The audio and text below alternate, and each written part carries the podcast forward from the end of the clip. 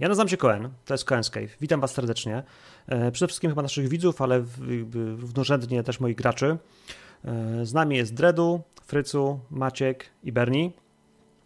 E, kochani, przedstawicie się na początku przedniej sesji, więc wydaje mi się, że jeśli ktoś już jest tutaj, to znaczy, że już wie, kim gracie.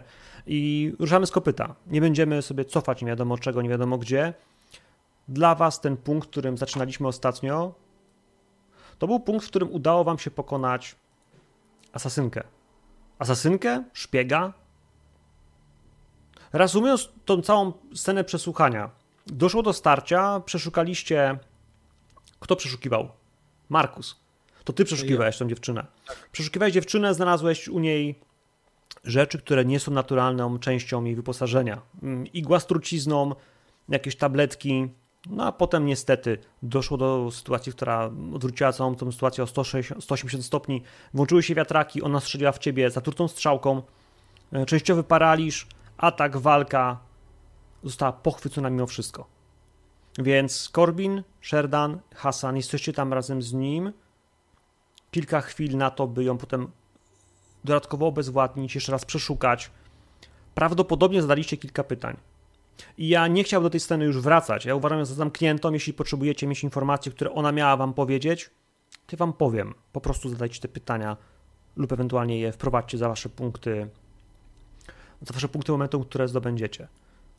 Ja wam już zeruję punkty momentum. Sam za, za, za każdego z was otrzymuję po dwa punkty zagrożenia. Punkty momentu to są punkty też y, impetu w polskiej wersji. Będę starał się też używać ich zamiennie. Mam was czterech, więc mam cztery punkty zagrożenia, punkty impetu i to wszystko. Dobrze.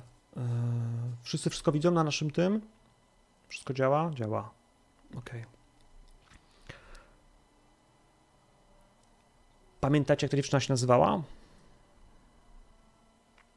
Jeśli dobrze kojarzę, to my nie, nie mieliśmy jej imienia. Dobra. Chyba, że to jest ta sama służąca, która uśmiechała się do Markusa, to wtedy mieliśmy jej imię, ale wydaje mi się, że to były dwie różne jej... postacie. Tak, to były dwie różne postacie, tamta to była Niara, a ta jedna jest y, nieznana. Mm, no i zobaczymy. Sir Robert prosił was o znalezienie jednej konkretnej małej rzeczy. małej. To było słowo, które tak wyglądało w jego ustach. Chodzi oczywiście o wodę życia. Kiedy on to mówił, brzmiało tak, byście mieli pójść kupić kiść bananów. Dopóki Corbin nie powiedział wam, jak trudnego zadania od was wymaga, czego tak naprawdę żąda. I przed wami nie tylko staje pytanie, czy jesteście w stanie spełnić jego życzenie. Drugim pytaniem, które się pojawia, jest to, co zrobicie, jeśli tego już nie, nie da się zrobić, nie da się spełnić, jeśli tej zachciance nie da się, wiecie, zadośćuczynić, to co wtedy? Jak powiedzieć mu nie? Ewentualnie jak ugrać coś na tym wszystkim? Czy ewentualnie popchnąć kogoś z boku w tą sytuację, zwalić na niego winę, czy może po prostu usunąć się, a gniew waszego pana spadnie na, no właśnie, zobaczymy gdzie. Te pytania krzątają się po waszych głowach, bo są rzeczy ważniejsze niż zachcianki Sir Roberta. Dla Was w tym momencie to, co stało się na dworze, to, że pojawił się ewidentnie harkoneński szpieg. O tym wiecie. Kilka drobnych pytań, kilka niuansów, które się pojawiły, no plus samo, sam fakt, że była uzbrojona w, w truciznę i sprzęt, który, który dla wielu z Was będzie atrybutem harkoneńskich szpiegów. To wszystko jasne. Trochę za mało, by udowodnić to przed Lansradem, by pokazać faktycznie, że to jest szpieg, którego zapaliśmy, to są jego narzędzia i chcemy sprawiedliwości. Bo prawda jest taka, że imperator powiedział, Harkonneni mają przekazać tą planetę Atrydom, wam. Ale to, jak mają to zrobić, jak mają to przekazać, jakich praw mają przestrzegać w trakcie tej wymiany, o, no, to nie jest do końca tak konkretnie sprecyzowane. Macie sędziego pokoju, kogoś, kto ma to miejsce przekazać, dopilnować. Macie też pewnego obserwatora, który powinien gdzieś tam obok was być, yy, ewentualnie móc wesprzeć, ewentualnie być takim kimś, kto, kto no, faktycznie zaświadczy na, na waszą korzyść lub niekorzyść, w zależności od tego, co się stanie, ale czy zdecydujecie się na, na, na jego pomoc? To już jest zupełnie inna powieść. Panowie, pytania do szpiega, którego złapaliście. Bo ona nie ma trucizny, która mogłaby się zabić. Wiecie, że ktoś jej pomógł. I ciężko będzie ją złamać. Więc pewne rzeczy ona wam na pewno powie tak po prostu. Na część pytań trzeba będzie ją zmusić, trzeba będzie ją wysłać na. No. Yy, dostali tortur i po prostu przemaglować. Tak dużo jak się da, potem ocenić, czy to faktycznie są rzeczy, które powiedziała, które są prawdą, bo wiecie, no, tortury to nie jest najlepszy sposób na pozyskiwanie informacji, ale czasem nie powstaje nic innego. No więc pytania od Was na początek, zanim zaczniemy intrem, zanim zdecydujemy, gdzie będzie pierwsza scena. Bo chciałbym, żebyście do dzisiaj wy powiedzieli, gdzie będziemy grali pierwszą scenę i, i dokąd się udaliście po tym, jak, e, no jak zdrajczyni przekazała Wam swoje informacje. Nadal na stole leży propozycja moja, żeby porozmawiać z Isztiamielem, jednym z fremeńskich e, przemytników, więc od tego możemy zacząć. A gdybym ja miał zadać jedno pytanie tej kobiecie, to kto był jej celem, jeśli to była harkoneńska zabójczyni? I tak też się zastanawiam, bo ja od niej pozyskałem, a w zasadzie Markus przekazał mi te pastylki, tabletki zastanawiam się, czy to jest jakaś trucizna. Jeśli mój rozum podpowiada mi, że ktoś taki miałby tę truciznę jako dźwignia wobec niej, mógłbym zastosować coś takiego, że mm, podalibyśmy jej te tabletki, żeby sama zginęła od swojej trucizny. I jeżeli będziemy wiedzieć, co jest e, tą trucizną, to być może mamy antidotum i to będzie nasza dźwignia wobec tej osoby, że ją zatrujemy i powiemy, że no, możemy cię utrzymać przy życiu ale musisz z nami współpracować. Dopóki będziesz to robić, będziesz dostawać na przykład antidotum. Rzucam to jako pomysł. Te tabletki to też może być antidotum na truciznę, która, którą była pokryta e, igła.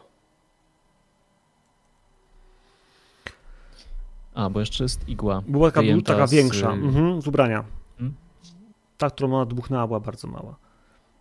Ona mówi, on, no, no, pierwsza wersja, którą się, która wychodzi z jej ust jest taka, że ona miała szpiegować. Miała być uchem, miała służyć w domu, w pałacu i słuchać tego, co się dzieje. Pewien... I to tak. I... a potem próbowała uciec.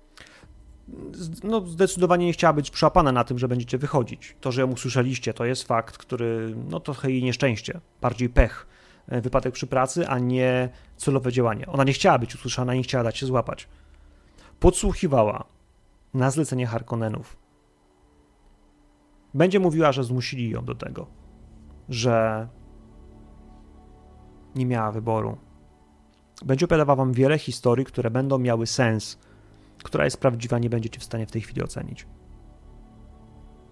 Dla Markusa to kluczowe jest to, czego się dowiedziała do tej pory. Słyszała, że Atryda chce wody życia. A ona na tyle długo jest na tej planecie i pochodzi z takich kręgów kulturowych czy społecznych, że też słyszała, co to jest. I wie, że ktokolwiek będzie ją miał, będzie w stanie dużo ugrać z tym człowiekiem.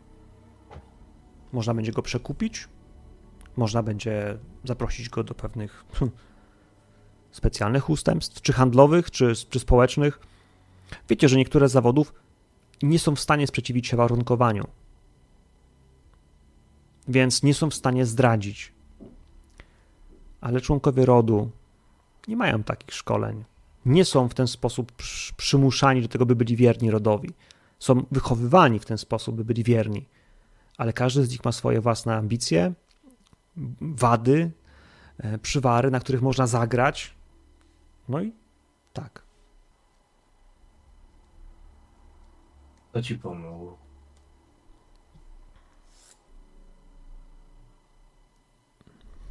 Dojść do siebie w końcu.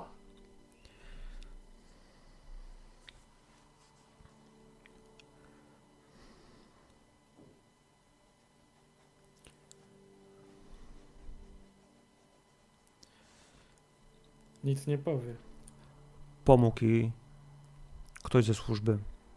Jest jeszcze ktoś. To już wiem. Nie pytam o, o kogoś, o kto to jest. W jaki sposób miał być z nim kontakt, jaki, jakie jest miejsce kontaktu, jaki jest sposób kontaktu. Miały być przekazywane te informacje, które usłyszy. Ona miała te informacje przekazać do swojego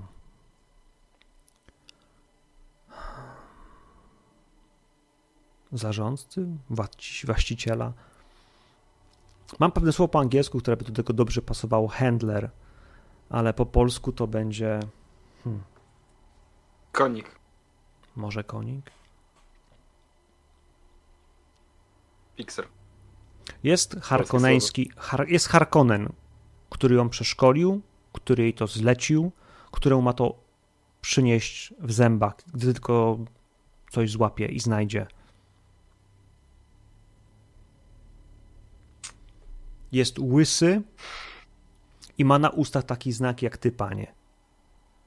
Wskazuje na twoje mentackie e, ślady. się?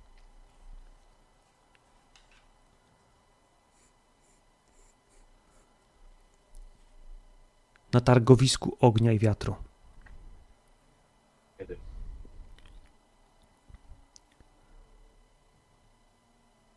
O zachodzie słońca. Dziś? Każdego dnia. Jeśli się nie pojawisz, to co?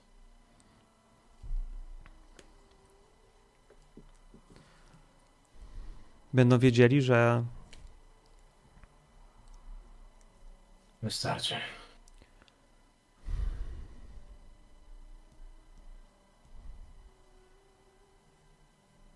Jaką mamy porę? Powiedz mi. panowie, Ile mamy, inaczej, ile mamy czasu do zachodu słońca? Czy to jest sensowne pytanie? ile chcecie, bo to, kiedy zagramy następną scenę, zależy od was. To cała, cała scena pierwsza rozegrała się właściwie zaraz o poranku, jeszcze przed południem, bo to było tak, że was o poranku e, Robert wezwał.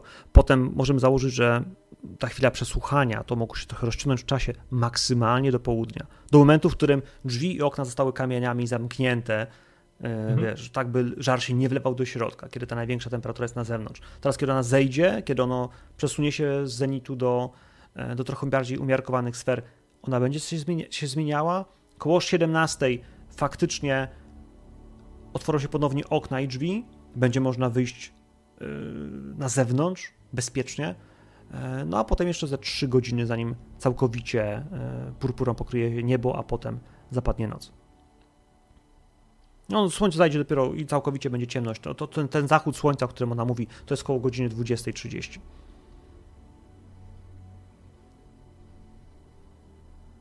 Macie Ten mnóstwo człowiek, czasu. o którym mówisz, ma jakieś imię?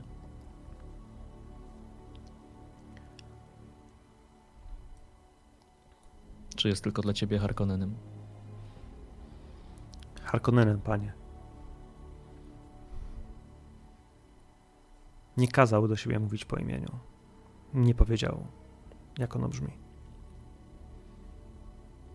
Wiesz że, wiesz, że jeżeli wydamy cię twoim ludziom, to zrobią z tobą rzeczy, o których nawet nie chcę myśleć.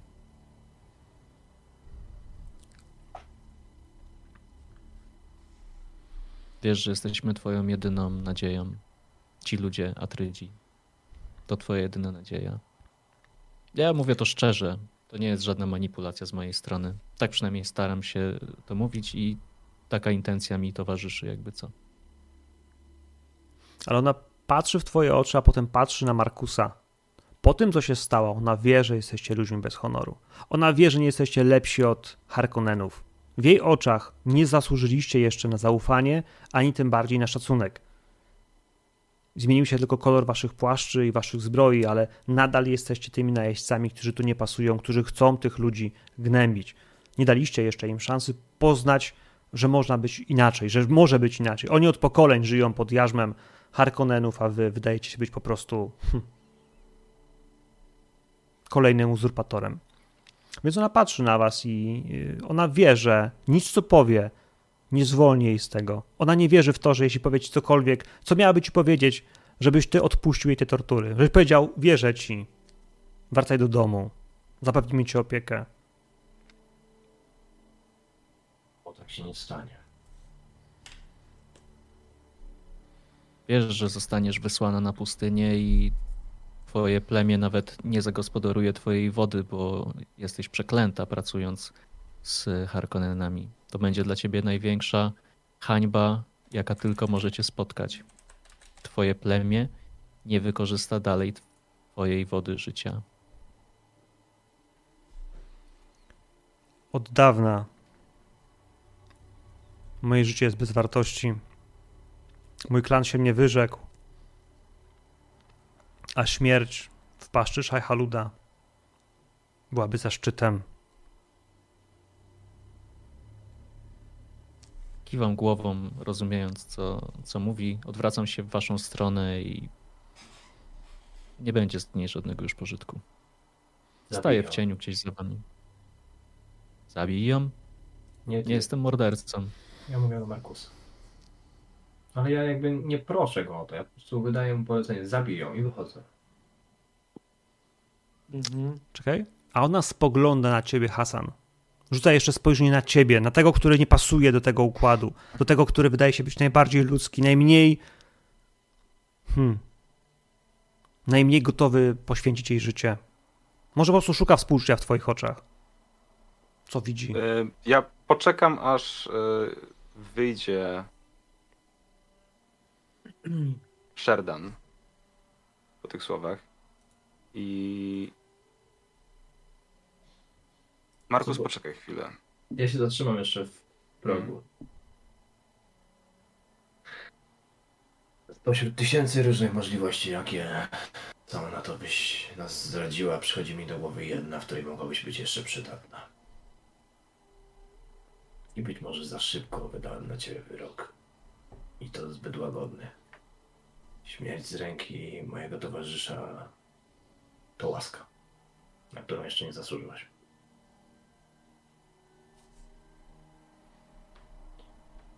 Jeśli masz ochotę z nią porozmawiać, Hassanie, zostawimy cię tutaj na chwilę.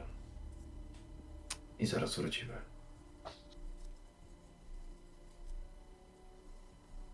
Mhm. Ja poczekam, poczekam aż wyjdą. Ja bym Jak- chciał Mhm. na korytarzu zebrać pozostałą dwójkę. Okej, to Ja, wy, ja wy, wychodzę. Jak tylko znajdziemy się na tym korytarzu, to rzucam do was, a w zasadzie do ciebie, Sherdan. Tracimy czas. Ktoś jeszcze jest w y, Cytadeli i czyha na nasze życie. Ten, te wiatraki same się nie włączyły, przyjacielu. Wciąż ktoś czeka na nasze życie. Czyha. Argonenowie czyhają na nasze życia. Nie dziwi mnie obecność ich szpiega i to na pewno nie ostatni, którego tu spotykamy. Ale mam pomysł, jak moglibyśmy ukręcić im łeb u źródła. Dlatego zdecydowałem się, żeby jeszcze nie zabijać tej kobiety. Może Now recording. jeśli jest wystarczająco rozsądna. Wyślemy ją na targ ognia i wiatru. I pójdziemy tam. I dzięki niej trafimy do Harkonnena. To jest dużo cenniejszy kąsek, którego nawet gdyby nie udało się przesłuchać, zabicie go pozbawi Harkonnenów ważnego elementu spajającego ich z ubusów, a wam nie wątpię, że ich jest tu wielu. Sam zrobiłbym to samo, gdybym opuszczał Arrakis. I nie pozbędziemy się nawet jak oficjalnie ostatni Harkonnen zejdzie z tej planety. Ale wysłanie tej dziewczyny na targ to bardzo ryzykowna gra i nie wiem, czy wasz pan, nasz pan, poprawiam się, nie oczekuje od nas czegoś innego. Dlatego najpierw twoje udamy decyzje. się do Isztiamana, aby wykonać ruchy kierunku tego, co rozkazał nam nasz pan. Pójdziecie tam we dwóch. Ty Mówisz o samym targu. Do Isztiamana udamy się wszyscy, ale na targ pójdziecie we dwóch. Ty i Markus.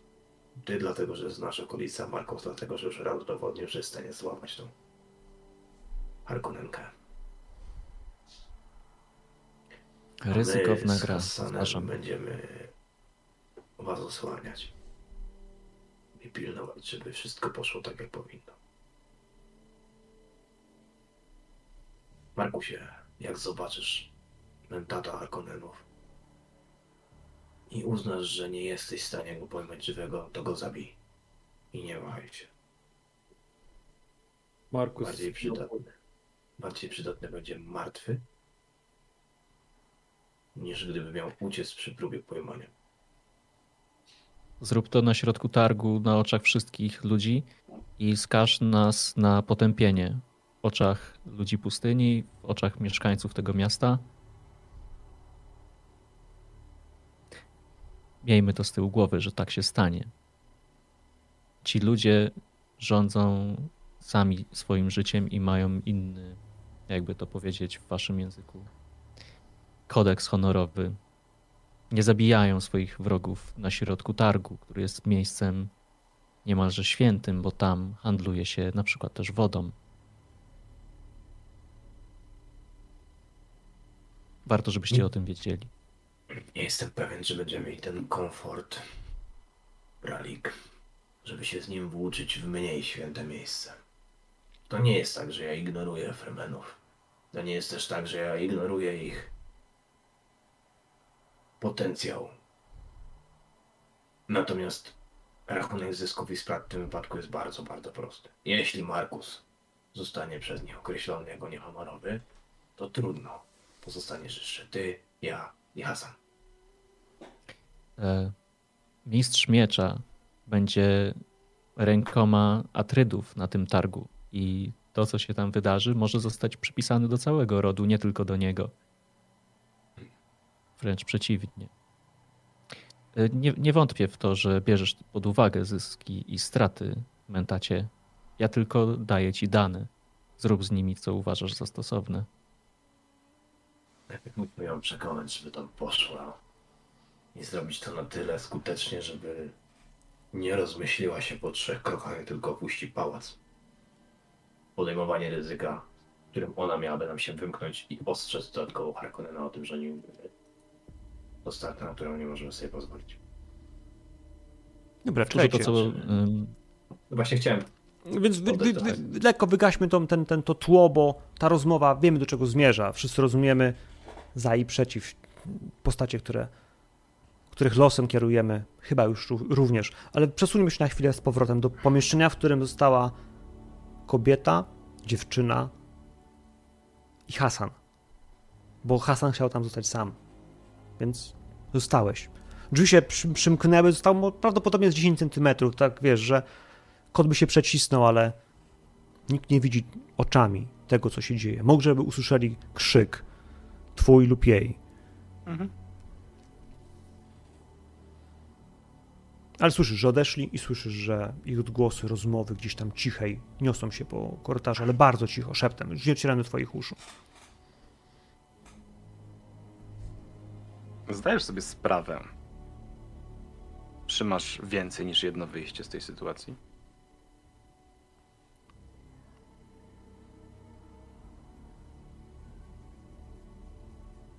Nie mogę się zabić. Marnotrawstwo zasobów jest bardzo niemile widziane na tej planecie. Nie mam innego wyjścia. Też nie jesteś głupia. Ja ci powiedziałem, że marnotrawstwo zasobów jest bardzo niemile widziane. Wiemy, że ktoś ci pomógł. Ktoś ze służących w tym pałacu ci pomógł. Ilość służących, jak wiele innych czynników, to zasób, który należy uzupełnić najszybciej, jak się da, kiedy tylko zaczyna brakować go w krwiobiegu dworu. Nie mów mi, że służenie Harkonnenom jest ci na rękę. Nie próbuj mi nawet wmówić, że nie jesteśmy w stanie przebić dowolnej ceny, którą ci obiecali i zabe- zabe- zabezpieczyć cię w dowolny sposób przed kimkolwiek. Doskonale wiesz, że jesteśmy w stanie. Jestem świetnym przykładem, prawda? Po prostu sługa stoi z tobą sam na sam i zaraz złoży ci ofertę, której prawdopodobnie nie odrzucisz. widzisz, że jej oczy rozszerzyły się. Zdziwiona jest twoją propozycją, tym, co do niej mówisz. Miała nadzieję, że poprosi cię o szybką śmierć, o uwolnienie od, wiesz, nadchodzących tortur, a ty do niej mówisz, że, że za chwilę dasz jej propozycję, dasz jej wyjście z tej sytuacji, z której ona wyjścia już nie widziała, więc widzisz na jej twarzy, y, wiesz, pragnienie usłyszenia tych słów. Co ty, co ty jej zaproponujesz? Wiem, że ciężko jest zaufać obcym. Szczególnie kiedy są to narwani ludzie zebrani z różnych stron planety, w których jakby można byłoby się spodziewać dużo więcej honoru. Ale, ale do rzeczy. Jak powiedziałem, krwiobieg tego pałacu. No, jesteśmy dużo bliżej głowy niż broń, niż narzędzia, niż ci, którzy wykonują tylko polecenia. Jeżeli zabraknie w tym krwiobiegu kogoś kilka słów albo bezpośrednie hasło czy wskazanie palcem sprawi, że osoba najlepiej nadająca się na zastępstwo brakującego ogniwa zostanie stanie się wypełnieniem tej pustki. Z tego co widzę, to takie miejsce zwolni się, jak tylko pokażesz nam, kogo należy tego miejsca zdjąć.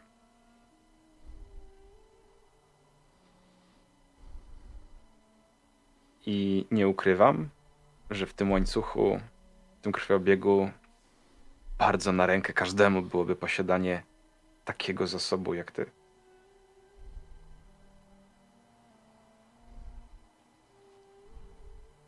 Podejrzewam, że moi towarzysze zaraz wrócą tutaj i poproszą cię, żebyś zrobiła to, co chciałaś zrobić, to, co do czegoś zostałaś zatrudniona. I zrób to. Może im nie ufasz i wcale się nie dziwię, ja też nie.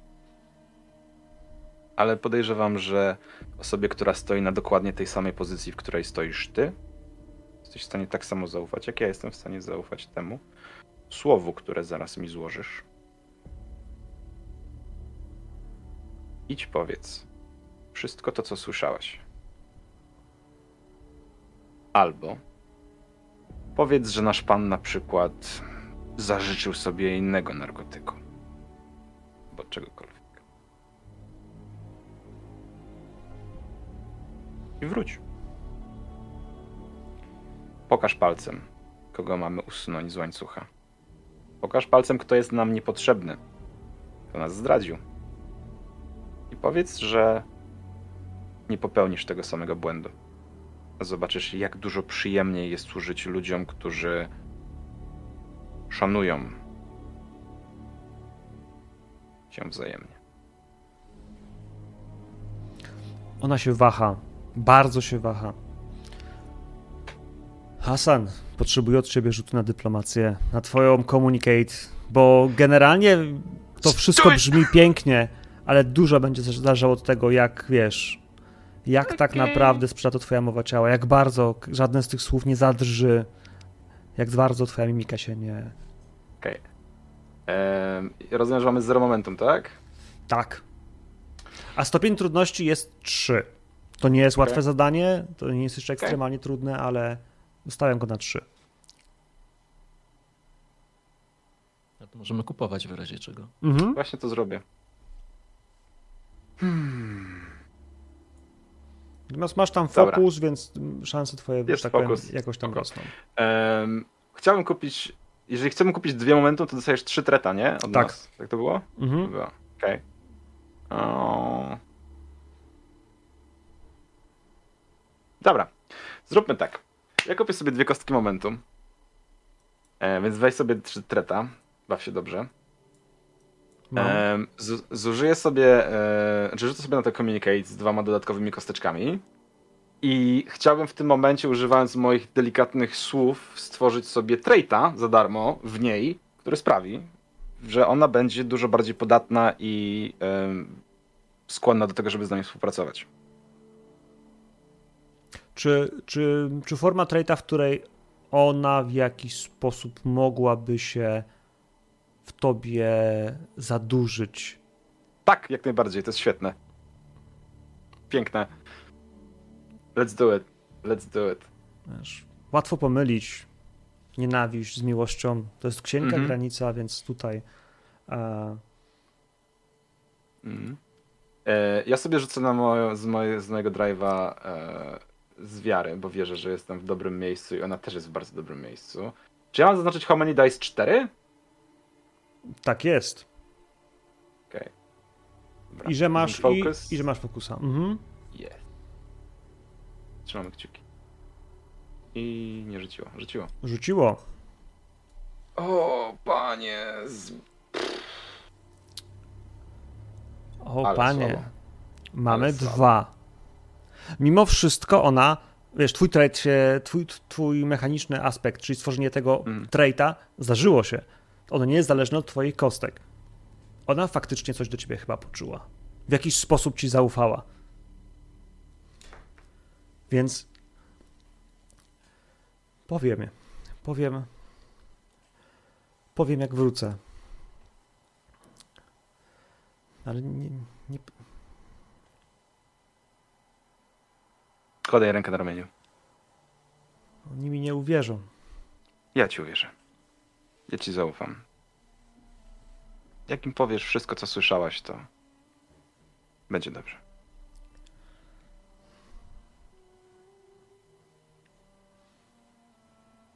To teraz powiedz mi, moja droga,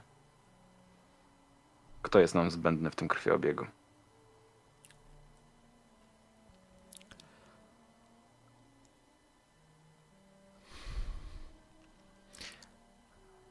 Chciała powiedzieć ci, jak wróci. Nie chciała sprzedać wszystkich swoich kart już teraz.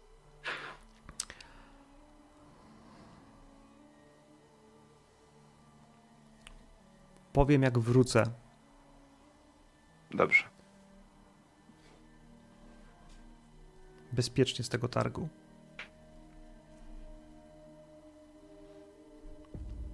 Panowie, to, że Hasan ją przekonał, to, że tam wejdziecie, że za chwilę dostaniecie informację, że ona zgadza się współpracować, że spogląda na niego raz czy dwa razy, że cokolwiek on nie powiedział, zbudował jakąś nic zaufania i to jest coś, na czym, hej, dacie radę używać tego narzędzia, jakim ona jest.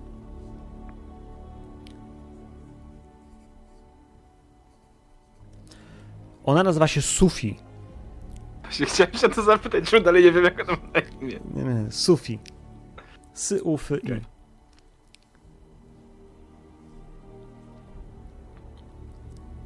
Obiecała po powrocie wskazać swojego wspólnika. Tyle wiecie od Hasana, a ona sama, jeśli ją wy- wypuścicie, nie będzie stawiała oporu, będzie zachowała się dokładnie tak, jak się tego po niej spodziewacie i wydaje się, że będzie posłuszna waszym rozkazom. Cokolwiek Hasan nie powiedział, to zadziałało. Żaden z was nie ma wątpliwości, że ona posłucha tego rozkazu. Sanie. Użyjesz mnie jako dźwigni. Powiesz jej, że ten mężczyzna z czarną symbolem na wardze to człowiek, który nie wyobraża sobie, żeby ją puścić wolno. Taki, który będzie dążył do tego, by ją karać, by trafiła na tortury. Jeśli udało ci się już nawiązać nić porozumienia, to dobrze. Powiesz, że ją przede mną ochronisz. A ja będę dawał ci preteksty do tego, byś mógł to faktycznie zrobić. I tak będziecie musieli pójść na tor. Prawdopodobnie wszyscy będziemy się musieli tam pojawić. Chcę widzieć tego człowieka od Harkonnenu. Chcę wiedzieć, co to jest. Sufi. Przyszło mi coś do głowy. Znasz lokalnych handlarzy. Ja niektórych z nich też kojarzę, ale nie wszystkich jednak.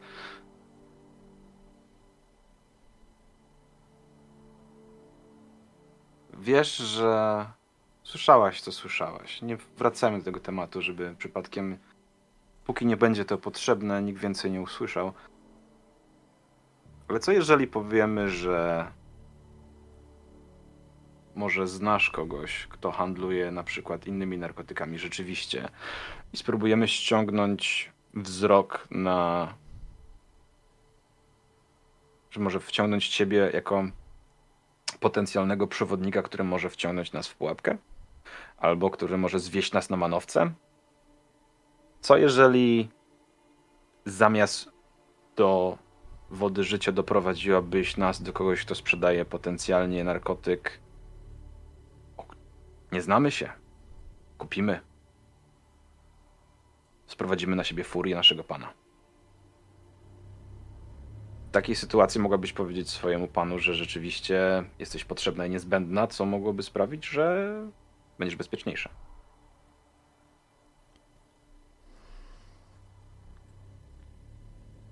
Chcemy zobaczyć, z kim mamy do czynienia, to na pewno. Ja osobiście chciałbym dopilnować, że będziesz bezpieczna. Ten, ten Harkonnen jest. Przed nim nic nie da się ukryć. Czyta w ludziach jak. Jak on i wskazuje na Shardana. Mm. Jeśli pomylę się o słowo, jeśli zauważy, że mówię nieprawdę, Powiedz prawdę. Powiedz prawdę. Prawdą jest, że. Słyszałeś, co słyszałeś. Prawdą jest, że szukamy tego, na co. Na, znaczy, szukamy tego, czego mamy znaleźć dla naszego pana, ale prawdą jest też to, że może wciągnąć nas w jakąś ślepą uliczkę. Ty możesz nas wciągnąć w jakąś ślepą uliczkę, zaprowadzić nas do handlarzy, stracić nasz czas, tak? Możemy krążyć po tym mieście, możesz nas, nas prowadzać. Harkonnenom na rękę, prawda? Nie musisz się z żadnym słowem pomylić, nie musisz nic, e, nikogo okłamywać.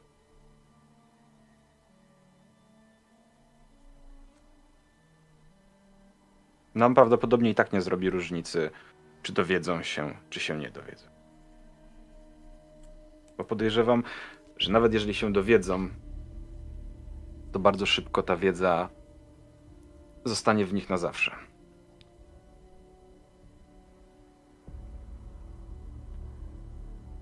Dobrze. Dobrze, powiem jak, jak kazałeś.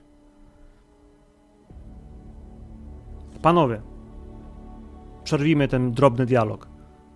Ona zgodzi się. Teraz powiedzcie mi, jak ma wyglądać ta scena.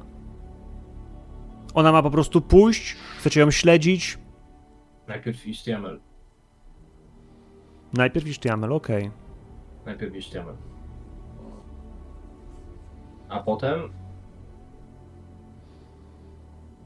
A potem tak, a potem będziemy gdzieś na pewno w pobliżu. Ja myślę, że tutaj główne skrzypce będzie grał szmugler Bralik, bo najlepiej zna teren, bo jest w stanie wstopić pomiędzy Fremenów. Będzie najbliżej. Idąc gdziekolwiek z wami, to tak jakbym szedł w e, Dlatego nie południe szybko. przez pustynię. Hassan też świetnie sobie radzi, jeśli chodzi o to, jak wtapiać się w tłum.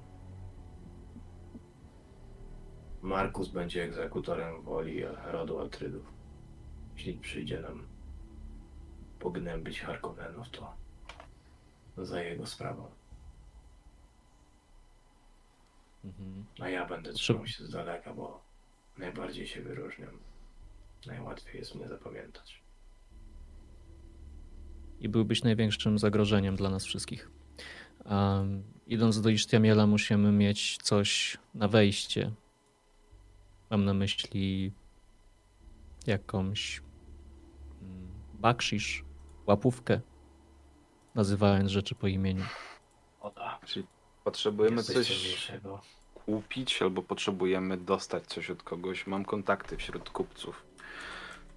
Zakładam, że dla waszego, naszego pana to będzie proste, bo potrzebujemy wody właśnie, która jest tutaj nieocenionym bogactwem. Ja się tym zajmę. Fantastycznie.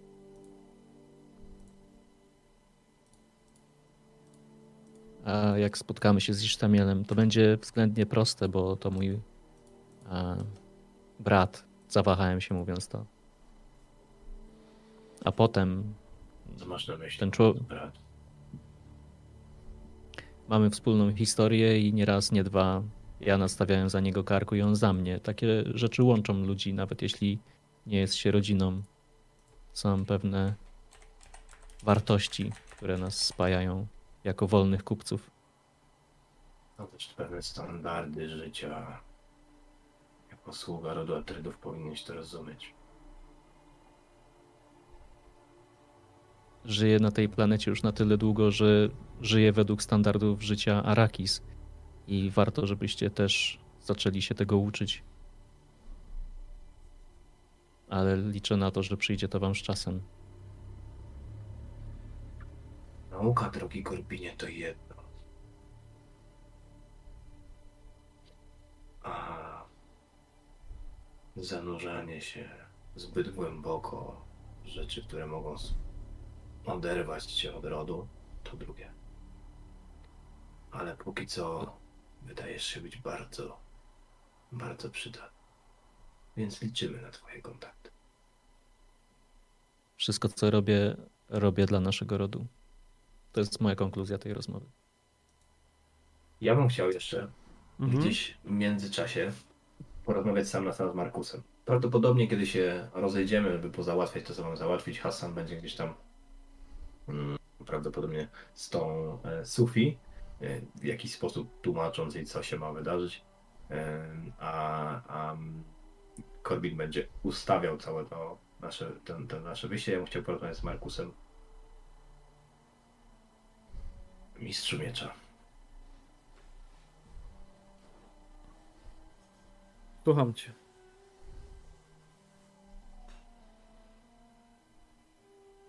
Ta kobieta, która szpiegowała. Ja jej nie ufam. Ja też. W większości przypadków, jakie poddałem analizie, ona albo nas zdradzi, albo zrobi coś, co przyprawi problemy. Moim rozwiązaniem, asem z rękawa w tej sytuacji jesteś ty. Aby chronić interesy rodu Atrydów, kiedy powiem ci, albo sam uznasz to za stosowne, a wierzę, że jesteś kompetentny, by to zrobić, zabij ją, by uniknąć większego zła. Zabij ją, kiedy będzie mogło dojść do tego, że więcej stracimy niż zyskamy na tym pomyśle Hassana, żeby ją wypuścić. Nie wahaj się. Moja ręka nie zadrży, kiedy będzie taka potrzeba.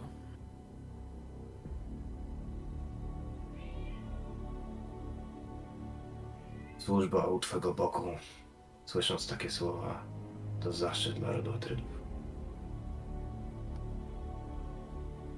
Markus się także pochylił w geście szacunku. Idę załatwić wodę. Niedużą ilość taką, żeby łatwo nam było ją przenieść. No, Albo bukłak, taki wiesz, Preferowałbym coś, co da, będzie dało się względnie łatwo ukryć gdzieś pod jakimś rodzajem. Pewnie. To może, być, to może być taki, wiesz, worek do picia, nawet z taką rurką, wiesz, z ustnikiem, trochę jak taki camel, camelback, backpack, nie? Tak, Które tak. się teraz nowocześnie nosi, ale myślę, że pod płaszczami czy pod pelerynami, które was, mają was chronić przed słońcem, to będzie coś, co, będzie właściwie niewidoczne, a dopiero ktoś, kto wbije ci nóż pod żebra, poczuje, że nie wbija się w twoje żebra, tylko w bukłak pełen e, najdroższej substancji na tej planecie. Ja Zaraz po- nie będę jej sam niósł. Mhm. Jeśli tylko uda mi się zorganizować to w takiej formule właśnie, która jest łatwa do ukrycia, to od razu przekażę to Corbinowi. Wierzę, że on po pierwsze będzie w stanie lepiej się z tym obejść, a po drugie, znając tutejsze zwyczaje i doskonale orientując się, jak należałoby się ubrać, będzie mu łatwiej to też schować. Ja w tej sytuacji chciałbym specjalnie sprawić, że będę wyglądał mocno od, odstępczo od moich towarzyszy po to, żebym ja przykuwał uwagę, a oni obok mnie mogli się rozmywać w tłumie. Dobra, Więc ubiorę się w coś, co jest pewnie trochę bardziej wyględne. Może nie, nie będę osłaniał głowy aż tak bardzo, jak powinienem. E, czarna kreska na wardę Ventata będzie cały czas widoczna. Okej, w takim razie, panowie, zrobimy małe intro. Ja puszczę wam trochę dobrej muzyki i przyniesiemy się do miejsca, w którym spotkacie Isztiamela. A ponieważ to nie jest jeszcze zmierzch, to spotkacie go zaraz po, po tym, jak otworzą się bramy, po tym, jak ktoś naglony waszymi prośbami otworzy bramę na wschód, gdzie cień Cytadeli rzuca się na miasto, przez które będziecie mogli przejść yy, trochę za wcześnie, zanim jeszcze wszyscy na ulicach wy, wyjdą i zanim świat i słońce wam się e, dadzą we znaki. No ale dobrze, pomyślmy o tym za chwilę.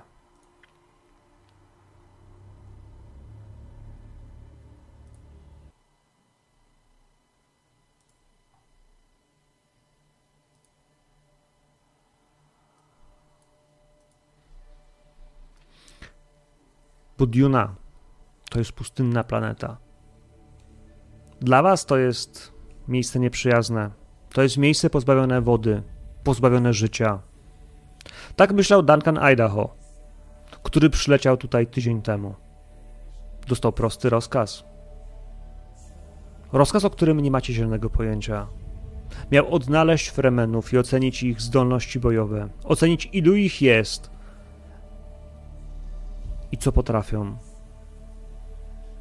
Więc widzimy go idącego po wydmach.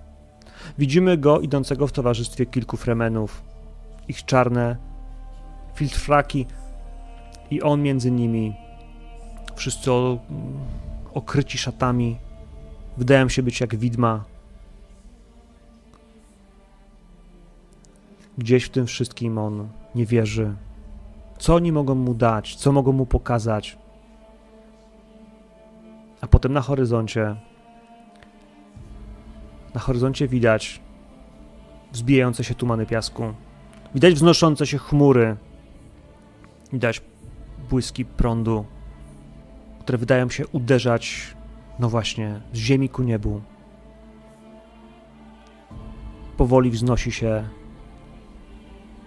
z tego piasku coś, czego Duncan Idaho nie rozumie, o czym tylko czytał a czego nie spodziewał się widzieć na własne oczy tak szybko i w takich rozmiarach. Czerw. Tak opisywały to księgi. Wznosi się przed nim, wybija się z piasku. Słyszy kilka słów, które Fremeni wypowiadają. Słyszy słowa, których jeszcze nie rozumie. Jednym z nich jest woda życia. On jeszcze nie wie, co to znaczy, i prawdopodobnie nigdy się nie dowie, nie zanim. Nie zanim. No właśnie. Zanim ktokolwiek z Was się dowie. Ale może się mylę. Może ktoś z Was faktycznie zrozumie, czym jest woda życia. Panowie, Miasto. Miasto, w którym jesteście.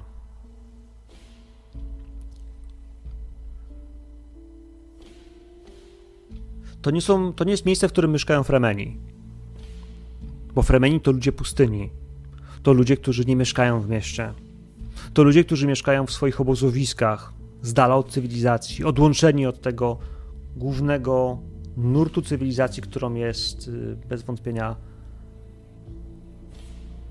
wasza, wasza Sadela, miasto wokół niej. Arakin jest stolicą, jest największym miastem, jest centrum planety. A Fremeni, których tu spotykacie, są tutaj tak naprawdę wyrzutkami, outcastami, którzy nie powinni tu być. I choć widzicie innych ludzi, którzy mogą mieć niebieskie oczy, to nie każdy, kto ma niebieskie oczy, jest fremenem i nie każdy, kto mieszka na Dune, będzie je takie miał.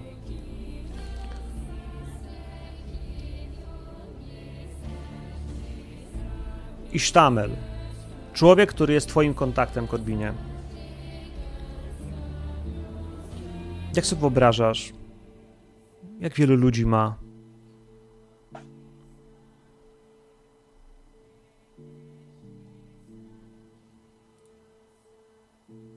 Ilu może mieć ludzi? Trzech? Dziesięciu? Stu? Ilu, ilu on może mieć ludzi? No, pod sobą. No, on, on, on jest na pewno większym graczem ode mnie, więc myślę, że ja wiem o przynajmniej kilku osobach, ale też domniemywam, że nie wiem wszystkiego i nawet nie chcę wiedzieć wszystkiego, bo im, im, mniej, im mniej wiem, tym krócej zeznaję. Taka zasada wolnych kupców.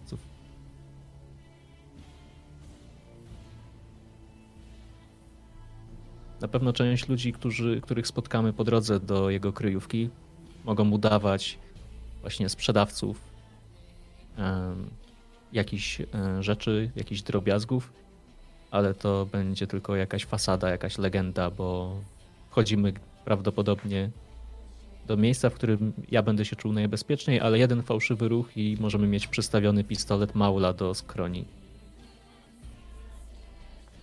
Dobrze. W takim razie miejsce, w którym go spotkasz i ludzie, których będziesz miał obok siebie, będą dla ciebie wielką niewiadomą. Wyobraźmy sobie kamienny budynek, trzypiętrowy, o potężnych, grubych, kamiennych ścianach, które mają chronić przed żarem, który się przez nie przeżera za dnia. Gdzieś w tym budynku Przechodząc przez pierwsze główne drzwi, zamykane przez elektroniczny system, przez dźwignie i serwomotory, które przesuwają potężne wrota. Gdzieś w tym budynku wewnątrz jest y, korytarz, szeroki na jakieś 3 metry, wysoki też na 4-5, zakończony wiszącymi lampami. Wydają się być olejowe, dają dosłownie odrobinę światła przy samym suficie, rozświetlając tą nieodpowiednią stronę tego korytarza. W tym mroku widzicie przestrzeń przed sobą, którą ciągnie się właśnie dzięki tym lampom. Co jakiś czas po lewej, po prawej stronie są otwory, w których są małe sklepiki, punkty handlowe, w których różnego rodzaju rzemieślnicy coś sprzedają, coś tworzą. Kultura rzemieślników Arakin no, jest, jest bardzo długa, i bogata w specjalistów różnej maści. Takich, którzy potrafią wam zrobić dobry miecz, ale też świetną herbatę. Więc mijacie te kolorowe stragany ukryte w mroku. Zapachy, dźwięki. Gdzieś odbywa się nawet kilka kolorowych stworzeń, które skrzeczą, które wabią was i kolorem, i dźwiękiem. Dopiero potem widzicie, że w tym miejscu są też kobiety, oferujący swoje usługi. Mijacie i je, i ochroniarzy, którzy niewątpliwie strzegą ich na tyle wyraźnie, byście wiedzieli, że nie możecie sobie pozwolić na wszystko. Ale zdecydowanie, jeśli macie gotówkę, walutę, cokolwiek, czy moglibyście zahandlować, możecie mieć wiele. I gdzieś w tym wszystkim jest małe zagłębienie, sklepik, Wchodzisz do środka, Korbinie. Wchodzisz pierwszy. Przy drzwiach mijasz starszą panią. Kobieta siedzi przy koszu wiklinowym. W nim powkładane są jakieś małe metalowe, cylindryczne rzeczy, ogniwa energetyczne. Dziś powiedzielibyśmy, że baterie. Ale cóż, siedzi otuma, otulona w jakieś koce pomarszczona, kiwa ci głową. Ja jej odkiwuję. Witaj. Przyszedłem do twojego syna.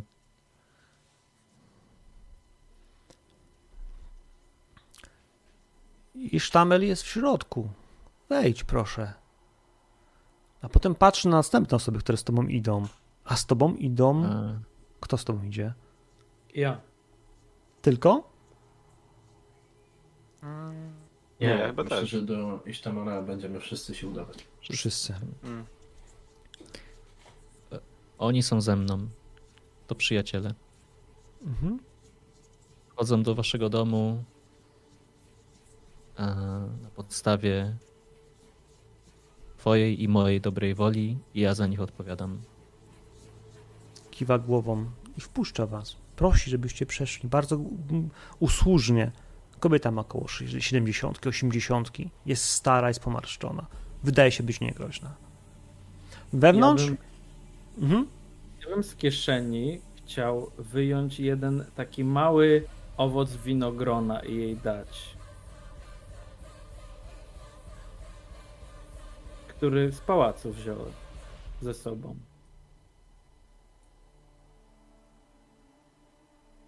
Okej. Dajesz jej tą drobną, niespodziewaną rzecz.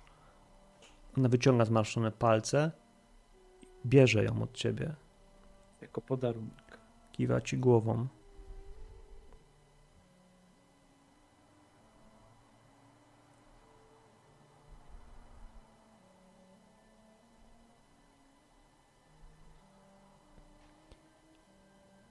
Powróżę ci. Zanim wyjdziesz, będę miała dla ciebie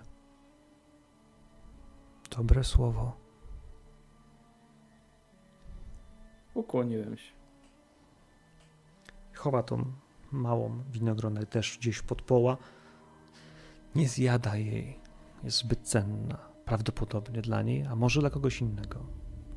Wewnątrz kilkanaście sprzętów. Wydają się być jakimiś silnikami, jakimiś sprzętami mechanicznymi, które ktoś wyciągnął ze starych maszyn.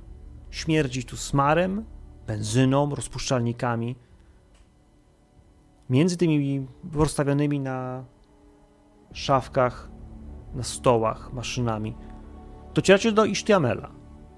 Mężczyzna zdecydowanie nie wygląda na Harkonnena ani na jednego z was. Odróżnia się. Mnóstwo tatuaży technicznych, płaskich, czarnych na, na twarzy. Y, Jest mocno opalony, siwa broda, która okrasza jego twarz, a on sam w turbanie. I teraz ten turban wysoko zapięty nad jego czołem. On poci się. Dosłownie jedna stróżka spływa mu. Widzi, że majstruje w jakimś sprzęcie. Gołe ręce i nagi tors, na którym widać rytualne, no właśnie, rytualne ślady. On swoje w życiu przeszedł. Na plecach jest y, gąszcz blizn po batorzeniu. Kilka razy się nie udało.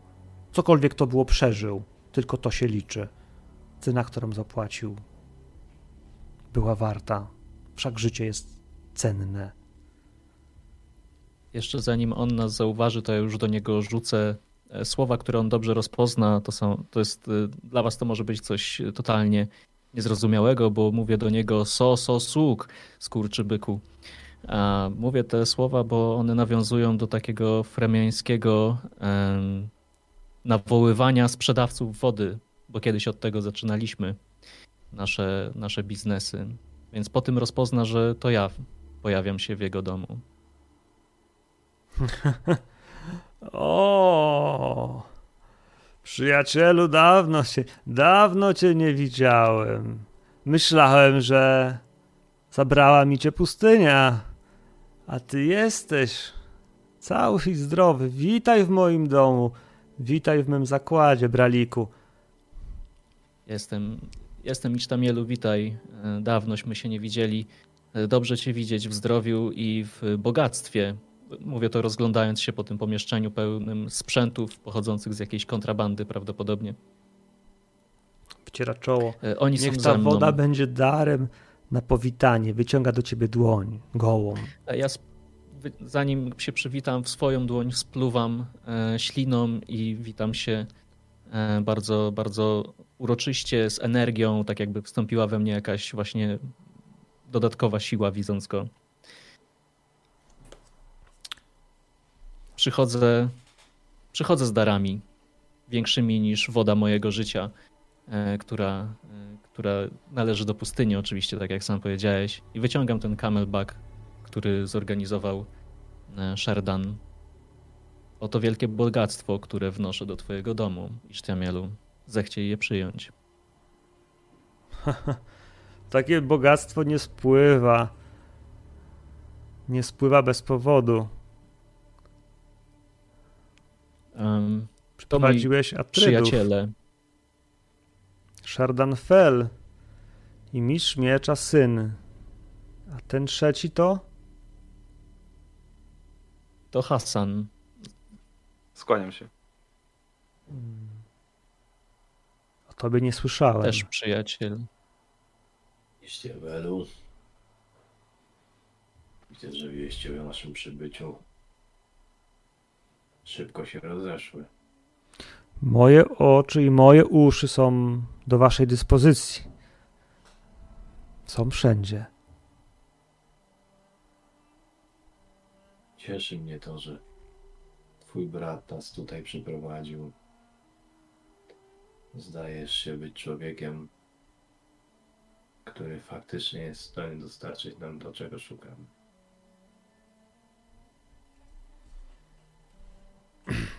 Je, jesteśmy w wielkiej potrzebie Isztemielu. I tylko ty możesz nam pomóc. Ten bukłak już całkowicie po, po, po, po, pobrzęknął nim. Ucieszył się z dźwięku, który wydaje woda w jego wnętrzu. Ale potem za chwilę natychmiast chowa go do szafki, tak by nie był widoczny, by już nie został zabrany, byście nie mogli go wycofać. Obawiaj się, Isztamelu. Nie mamy zamiaru odebrać ci tej wody, którą przynieśliśmy w darze. Wręcz przeciwnie. Chcielibyśmy ci wręczyć jej więcej. Jeśli ty użyczysz nam swoich oczu i uszu, my nawilżymy twoje usta i ciało. Zatem szukacie zagubionych części do żniwiarek.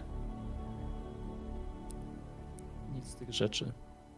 Zresztą, cokolwiek byśmy u ciebie znaleźli, to na pewno nie są zagubione części żniwiarek. Mam oczy uszy wszędzie. Widziałem, gdzie Harkonneni je ukryli. Bez nich wasza flota, ach, powiem wprost, przyprawa długo tu nie popłynie. Nikt nie ma tych części i długo zajmie wam wytworzenie nowych. To naprawdę cenna wiedza, Isztamel. Ale my przyszliśmy zapytać cię najpierw o coś innego. Jeśli jednak okazałbyś się tak rozsądnym i wspaniałomyślnym człowiekiem, to ja i moi przyjaciele moglibyśmy cię uczynić nie tylko rozsądnym, ale również bogatym i wpływowym. Nie wątpię Jak w swoje kontakty i to, że masz już wpływy pośród ludu Arakin. Ale poparcie rządzącego rodu Atrydów, nawet udzielone po cichu, mogłoby ci wiele rzeczy w przyszłości ułatwić. Będziemy u ciebie szukać Jak dwóch rzeczy. Korbinie, Jak słyszysz, Isztamielu, Atrydzi mają najpierw w zwyczaju prosić o pomoc i oferować bogactwo, nie tak jak, jak Harkonnenowie używać bata. Więc chciałbym, żebyś dobrze zrozumiał intencje moich przyjaciół, którzy są tutaj ze mną. Myślę, że o waszych intencjach wszyscy, którzy powinni wiedzieć, już wiedzą. I patrzysz na ciebie, Markus. Rzuca ci lodowate spojrzenie.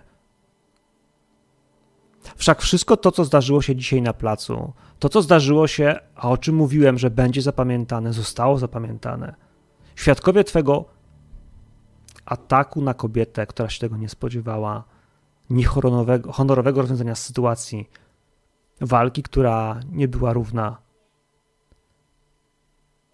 Mówiłem, że to się poniesie, poniosło się. Oni wiedzą, że za słowami, które niesie Corbin i Sherdan, za darami, które są przyniesione, nie jest tak różowo i tak pięknie, jak mogłoby się wydawać. Nie jesteście wiele lepsi, po prostu jeszcze nie zaczęliście bić batogiem. Nie, źle nas rozumiesz. Drogi Isztiamelu. Widzisz, pośród Atrydów jest wielu takich, który, którzy przez stulecia ucierpieli z rąk Harkonnenu. Tracili dzieci, matki, żony, córki, synów. Wielu jest takich. I wobec tego rodu, który kolejny raz i kolejny raz i powielokroć depcze wszystko, co jest dla nas ważne, śmiejąc się przez zasłonę, którą tworzy imperator, a która dla was nie do końca musi być zrozumiała dla ludu pustyni i dla mieszkańców Arrakis. My, Atrydzi, odpowiadamy im dumną, twardą, żelazną pięścią, jeśli trzeba. Nie pomyl się jednak. Rozgrywki między rodami, to co dzieje się na linii Atrydów i Harkonnenów, to jak rozliczamy się z naszymi wrogami spoza tej planety, nie ma wiele wspólnego z waszą kulturą.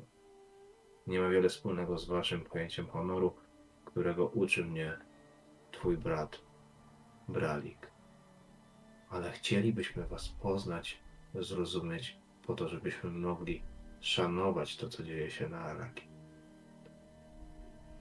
By koegzystować z ludźmi pustyni, a nie wyciskać z nich bezcenną wodę życia, tak jak Harkonnenowie. Nie zrozum nas źle. Jeśli natrafimy na opór, to nie będziemy głaskać po głowach. To my rządzimy tą planetą z nadania imperatora. Ale rozliczać się z Harkonnenami będziemy na swój sposób, bo oni będą o wiele, wiele gorsi. Natomiast dla ludu pustyni będziemy starać się zachować te, te honorowe postawy, jakie są dla Was tak cenne. Jeśli tylko pozwolicie i dacie nam czas, żebyśmy je zrozumieli. Markus to dzielny wojownik i udowodnił to nieraz. To, że jeszcze nie zna wszystkich praw, jakie rządzą na tej planecie, nie odbiera mu krztyny honoru. Znam wielu, którzy będą chcieli go sprawdzić. Ale to nie mój problem i nie moja I wina. tak się stanie. Czego chcecie? Potrzebujemy pomocy w poszukiwaniu takwy, czyli czegoś bardzo istotnego z punktu widzenia ludzi pustyni. A powiem wprost, szukamy wody życia. Też się uśmiecham. I kiwam głową. To nie żart? Nie.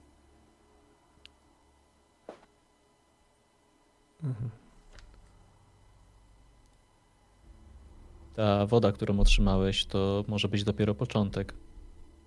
I Atryci są gotowi przymknąć oko albo dwa na to, co tutaj się dzieje. Na dobry początek waszej współpracy. I jak słyszysz to, co mówi mój przyjaciel Sherdan, różnią się jego słowa od słów Harkonnenów, którzy rozmawialiby z tobą inaczej. Mój ton głosu się zmienił, już nie jest taki przyjacielski. Zaczynamy negocjacje, więc na chwilę odstawiamy naszą braterską więź i wszyscy tutaj teraz jesteśmy szmuglerami.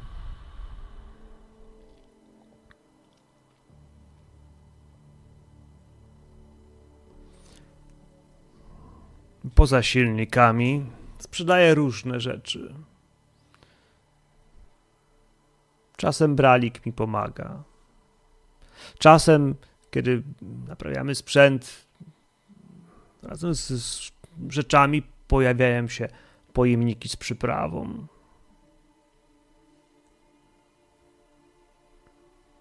Czasem dostarczałem ją kilku ludziom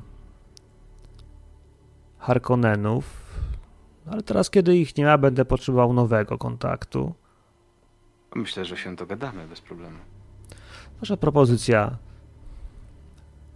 za którą bardzo dziękuję, szanowny panie, jest nad wyraz hojna. Ale woda życia? Musicie pójść na pustynię. Musicie odnaleźć sicz fremenów, a potem musicie do niej wejść. Ale już wtedy z niej nie wyjdziemy żywi. Dlatego przyszliśmy do ciebie.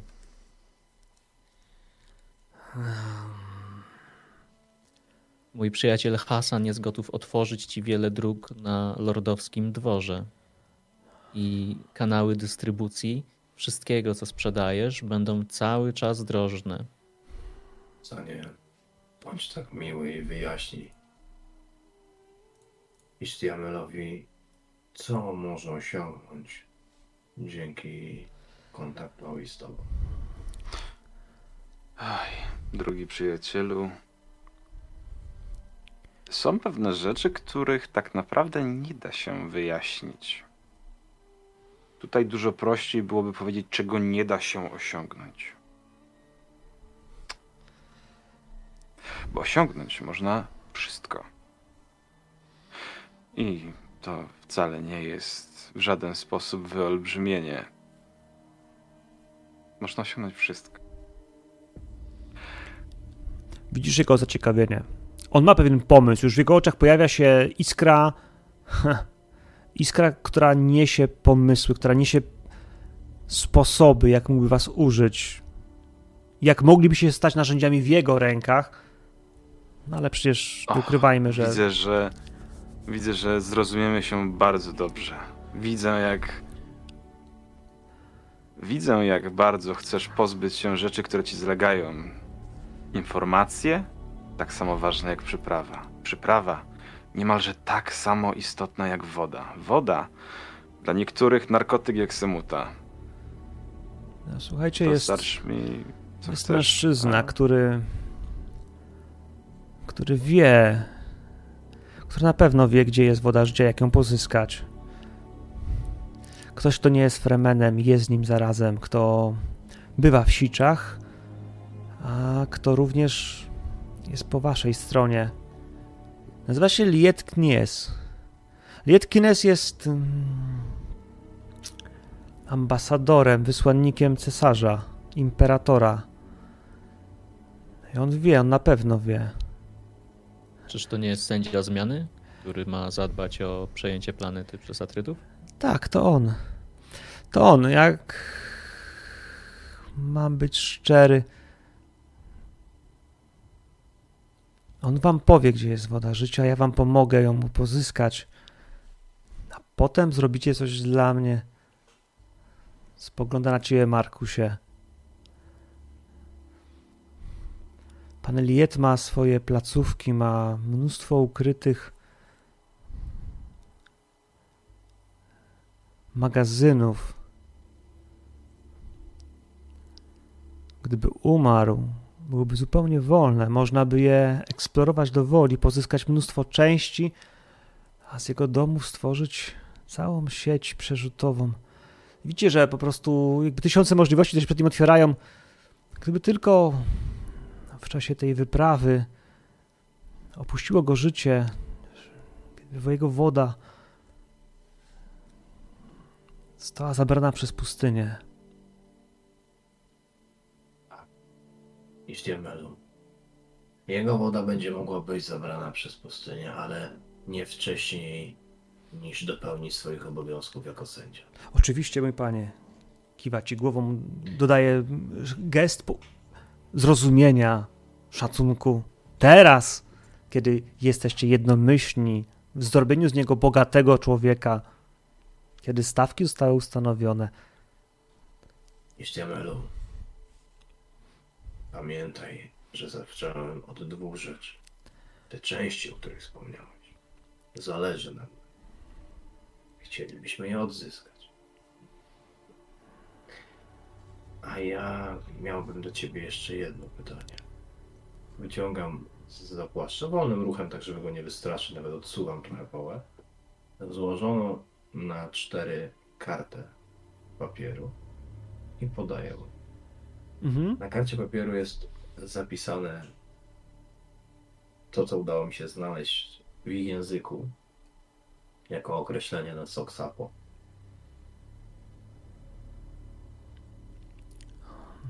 Nie wątpię, że w tym przepastnym korytarzu za moimi plecami będę w stanie to znaleźć. Będę ci osobiście wdzięczny, jeśli powiesz mi gdzie.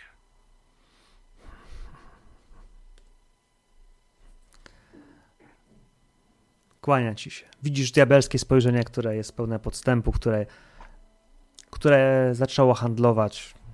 Zaczęło się niewinnie od tego pierwszego bukłaku wody, kończy się na osobistych przysługach.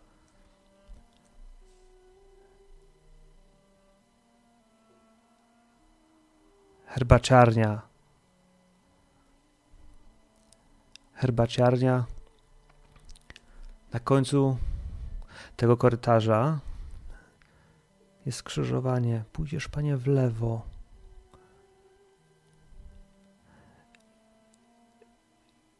W herbaciarni zapytaj.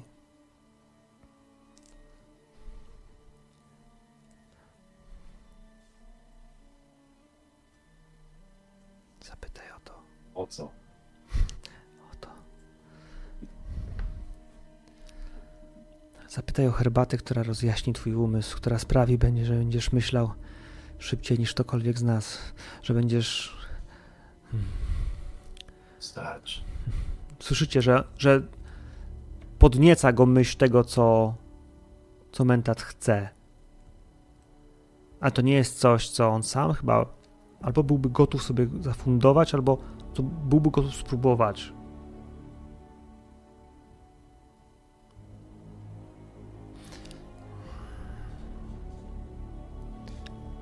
Więc jesteśmy przyjaciółmi? Wszyscy? Oczywiście, Braliku. Jak tylko oddasz mi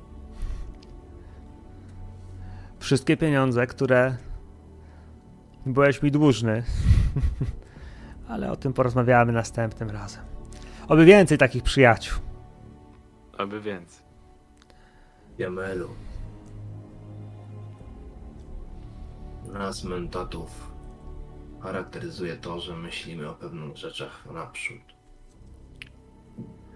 Nie wątpię, że prędzej czy później ktoś, kto nie jest nam życzliwy, dowie się o tej wizycie. I złoży ci kolejną. Być może będziecie próbował przekonać i zaoferować ci więcej niż rodatrydów. Musisz jednak zrozumieć jedną rzecz. Arrakis należy do Atrydu.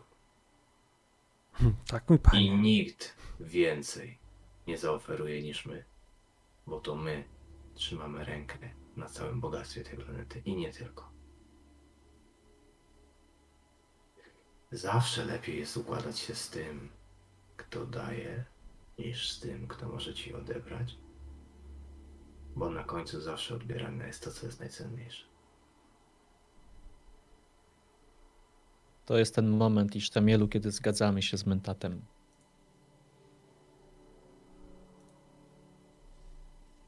A propos dawania. A propos zgadzania się. Może pozwolisz. Mam całkiem spore kontakty, całkiem spory zasób em, potrzeb. Ty, jak widzę, jesteś człowiekiem, który może zaspokoić przynajmniej część tych potrzeb. Powiedziałeś, że przez twoje ręce przechodzą słoiki przypraw, inne skarby, części. Czego szukasz, mój panie? Poszukuję właśnie takich rzeczy. Słoików przypła, przypraw, narkotyków, substancji odurzających. Powiedzmy, że do bardzo osobistych doświadczeń. Niekoniecznie na sobie, ale doświadczeń bardziej takich naukowych. Czasem dużo łatwiej jest wywrzeć presję na kimś, kto jest zadowolony, niż na kimś, kto boi się o to, że straci życie. Po prostu. I chciałem się dowiedzieć, jak bardzo ekstaza, ekstaza może wpłynąć na przybliżenie potrzeb moich do takich osób, które zażyły. Na przykład semutę właśnie. Uśmiecha się. Mój panie, jeśli chciałbyś poeksperymentować z semutą, to znam odpowiednie miejsce i odpowiednią wspaniałą kobietę, która jak nikt wspomaga jej działanie swą muzyką. Powiedz tylko słowo. Myślę, że obędzie się bez słów. I nie panie. Ja jestem Hasan. Po prostu. Powiedz tylko kiedy, a przyślę ją do pałacu. Wyśmienicie. Na pewno odezwę się niebawem. Cudownie. Cudownie. Kiwa głową. Panowie, ja myślę, że dla was wszystkich ta scena już powinna dobiegnąć końca. Będziecie wychodzić. Kilka pożegnań, kilka kurtuazyjnych sformułowań. Markus, ty na końcu miałeś się zgłosić. Szadan? Mhm. Nie, nie, ja jedno pytanko. Mhm. Bo wiem, że Markus będzie za chwilę miał swoje i ja właśnie nie chciałbym wtedy. Y, tylko, czy rozumiem, że on nam podaje lokalizację tych części? Wiesz co? Yy... Nie, nie. Na razie nic wam nie mówi na temat. On wie. Yy... Pytanie, czy jak bardzo chcecie te części zdobyć w tej chwili? To jest coś, co jest nie, dla was. Ja bym, chciał, ja bym chciał, żeby ktoś został do tego oddelegowany. Ja dostałem zadanie od swojego pana innego kalibru. Ale to, że dzięki mnie i Robertowi Atrydzie zostanie uruchomione i przyspieszone wydobycie przyprawy, to jest coś, o czym ja mówiłem mojemu panu na tym pierwszym spotkaniu. Że to jest rzecz, na której księciu yy, Leto będzie najbardziej zależało. I to jest rzecz, którą powinniśmy mu dostarczyć. Więc ja bym chciał to zadbać, ale przekazać tą informację jak najszybciej do pałacu.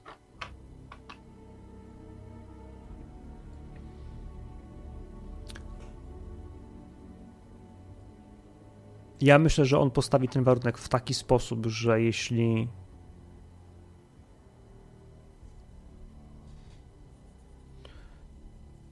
że jeśli zabijecie Lieta Kinesa, jeśli on zginie, to wraz z jego śmiercią dostęp do tych wszystkich części, które do żniwiarek, które Harkonneni wydobyli, ukryli, zakopali, żebyście ich nie mieli, a gdyby oni wrócili, mogli sobie je potem ponownie wydobyć, będzie dla was. W sensie on chce na tym ugrać znacznie więcej niż woda, którą oferujecie. On chce nagle stać się tutaj panem pewnych, wiesz, stref wpływów, e, do których będzie miał dostęp, więc dopóki to się nie stanie, on wam tego nie powie.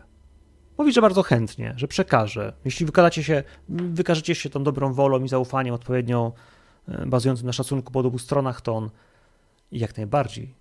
Bez żadnych dodatkowych rzeczy. To jest jeden z elementów, które on dostarczy przy okazji. Powiedział wam, że o wodzie wie Liet. To jak um, tą wodę wydobędziecie, to już jest wasz problem.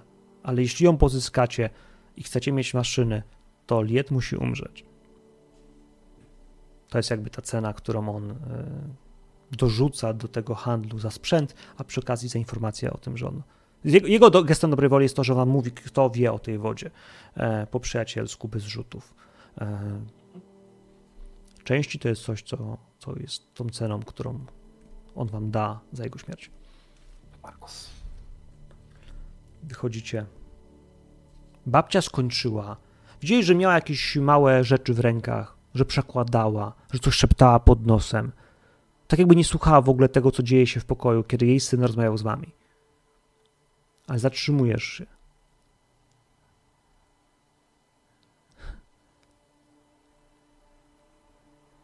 Dziewczyna. Piękna dziewczyna, chłopcze. Wpadłeś jej w oko?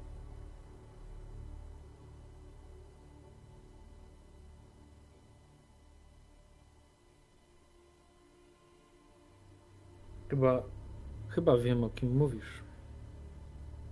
Uważaj na nią. Przyniesie ci zgubę.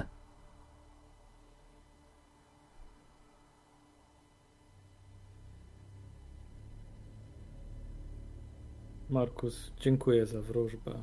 Mm. Kłaniając się lekko. Panowie, kolejna scena. Gdzie kiedy?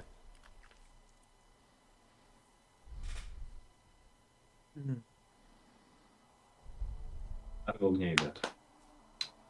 Mm. Służąca wysłana przez Hassana, którą on będzie najbliżej nadzorował.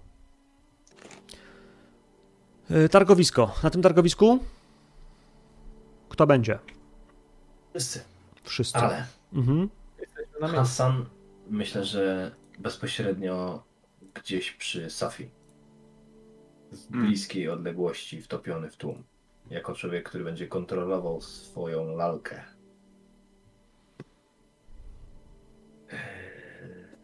Na pewno chciałbym mieć tam gdzieś niedaleko Markusa i wydaje mi się, że najlepiej byłoby, gdyby Markus razem z e, Corbinem gdzieś tu funkcjonowali, w sensie Corbin byłby w stanie może Markusa jakoś ukryć. Zaczekajcie Ja chwilę. Na Poproszę. pewno chcemy dokonać tego gwałtu na środku tego targowiska. Ale- Może lepiej. Nie, nie, poczekaj, bo na razie to jest to, co mam ustalone z, przez Hassana, to jest to, że ona ma tam pójść i ona ma mu powiedzieć prawdę.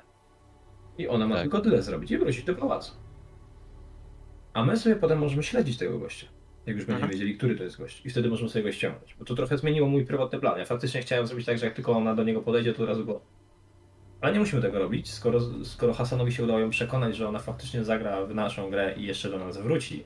Miejmy taką nadzieję przynajmniej to wtedy możemy sobie spróbować tego Harkonnena na własną rękę gdzieś tam wyłuskać. I taki byłby, taka byłaby moja sugestia. Tylko do tego potrzeba to, żeby, żeby po pierwsze ją kontrolować, to widzę, że, że najlepiej zrobi to Hasan, i żeby nie zgubić Harkonnena, co uważam, że to jest wasza dwójka w tym e, kluczowa. No i ja gdzieś po prostu z tyłu, na jakiejś wyższej pozycji obserwujący całą sytuację, w sensie jakby wiesz, mający wczytanych tych te cztery, cztery osoby i śledzący jak najlepiej mogliby się poruszyć. Czy my mamy jakąś możliwość komunikacji między sobą? Jakieś, nie E, wiem, nie, Radio. nie, nie, nie. Nie macie radiów, nie macie walkie-talkie, tego typu No to w rzeczy. takim wypadku Mentat wam przedstawia bardzo prostą sytuację. On będzie stał na jakimś budynku, który będzie y, przy tym targu na skraju, tak żeby go było widać. I będzie wam wskazywał przy pomocy chorągiełek, co trzeba zrobić. Będą dwa kolory. Biała, to znaczy, że trzeba się wycofać, bo jest jakieś niebezpieczeństwo. A czerwona, to znaczy, że trzeba zabić Harkonnena najszybciej jak się tylko da. Mhm. Markus Jest taka wie, że jeśli pokaże się biała lub czerwona, to niezależnie od tej sytuacji, to znaczy, że Safi zdradziła i ona też musi zginąć. Ale to wie tylko Markus. Jeżeli się obie pojawią. Nie, jak pojawi się którakolwiek z nich. Bo jeśli ja nic nie pokażę, Tak. to znaczy, że jest wszystko ok, nie? Okej. Natomiast jeżeli pokażę czerwoną, znaczy, że zabijamy e, Harkonnena, to ona też znaczy, że coś poszło nie tak. Jak Mhm. pokażę białą, że trzeba się wycofać, no to na pewno nie, nie, jakby nie Markus- zabieramy jej. A nie do- dorwać oboje, a zobaczymy. Mam Dobra. złe przeczucia co do tego. no shit. Ja generalnie chciałem skorzystać z asetu. E, w asetach mam przyjaciela pośród kupców. Mhm. E, ja bym chciał, żeby on handlował sobie właśnie na, na, tym, na tym targowisku, tak żebym ja mógł bez problemu sobie, e, że tak nazwę powiedzieć, cześć, dzisiaj handluję z tobą. Okej. a ja chciałbym, żeby Corbin nas e, zaprowadził gdzieś, gdzie możemy kupić szaty i zmienić ubranie, ponieważ prawdopodobnie, jeżeli ktoś nas śledzi, to już wie, jak wyglądamy. To ja mam tutaj sugestię w takim wypadku. Mhm. To ja myślę, że jestem w stanie załatwić to dla Corbina i dla Markusa, bo ja też mam aset, który jest kupcem. I myślę, że tego też można byłoby się z nim porozumieć, żeby on, nawet jeśli nie handluje normalnie, żeby się tu pojawił. I żeby pojawił się w pobliżu tej sytuacji. Na przykład przejeżdżał tam akurat ze swoim transportem, tak żeby oni mogli przy nim przechodzić i w pewnym momencie się po prostu naturalnie oderwać, a ubrani być tak jak jego obsługa. I to będzie jego przysługa dla mnie, a ja mu się potem jakoś odwdzięczę. Kupiec Pewnie. nazywa się Jebrasz. I on handluje przyprawą. Panowie, zapadł zmrok. Słońce miało zajść, ale kiedy tylko schowało się za horyzontem, kiedy tylko cień gór uderzył w miasto, natychmiast poczuliście zmianę temperatury. Te kilkanaście stopni w dół, zatrzymujące się koło trzydziestki, jest jak powiew świeżości, który był wam potrzebny.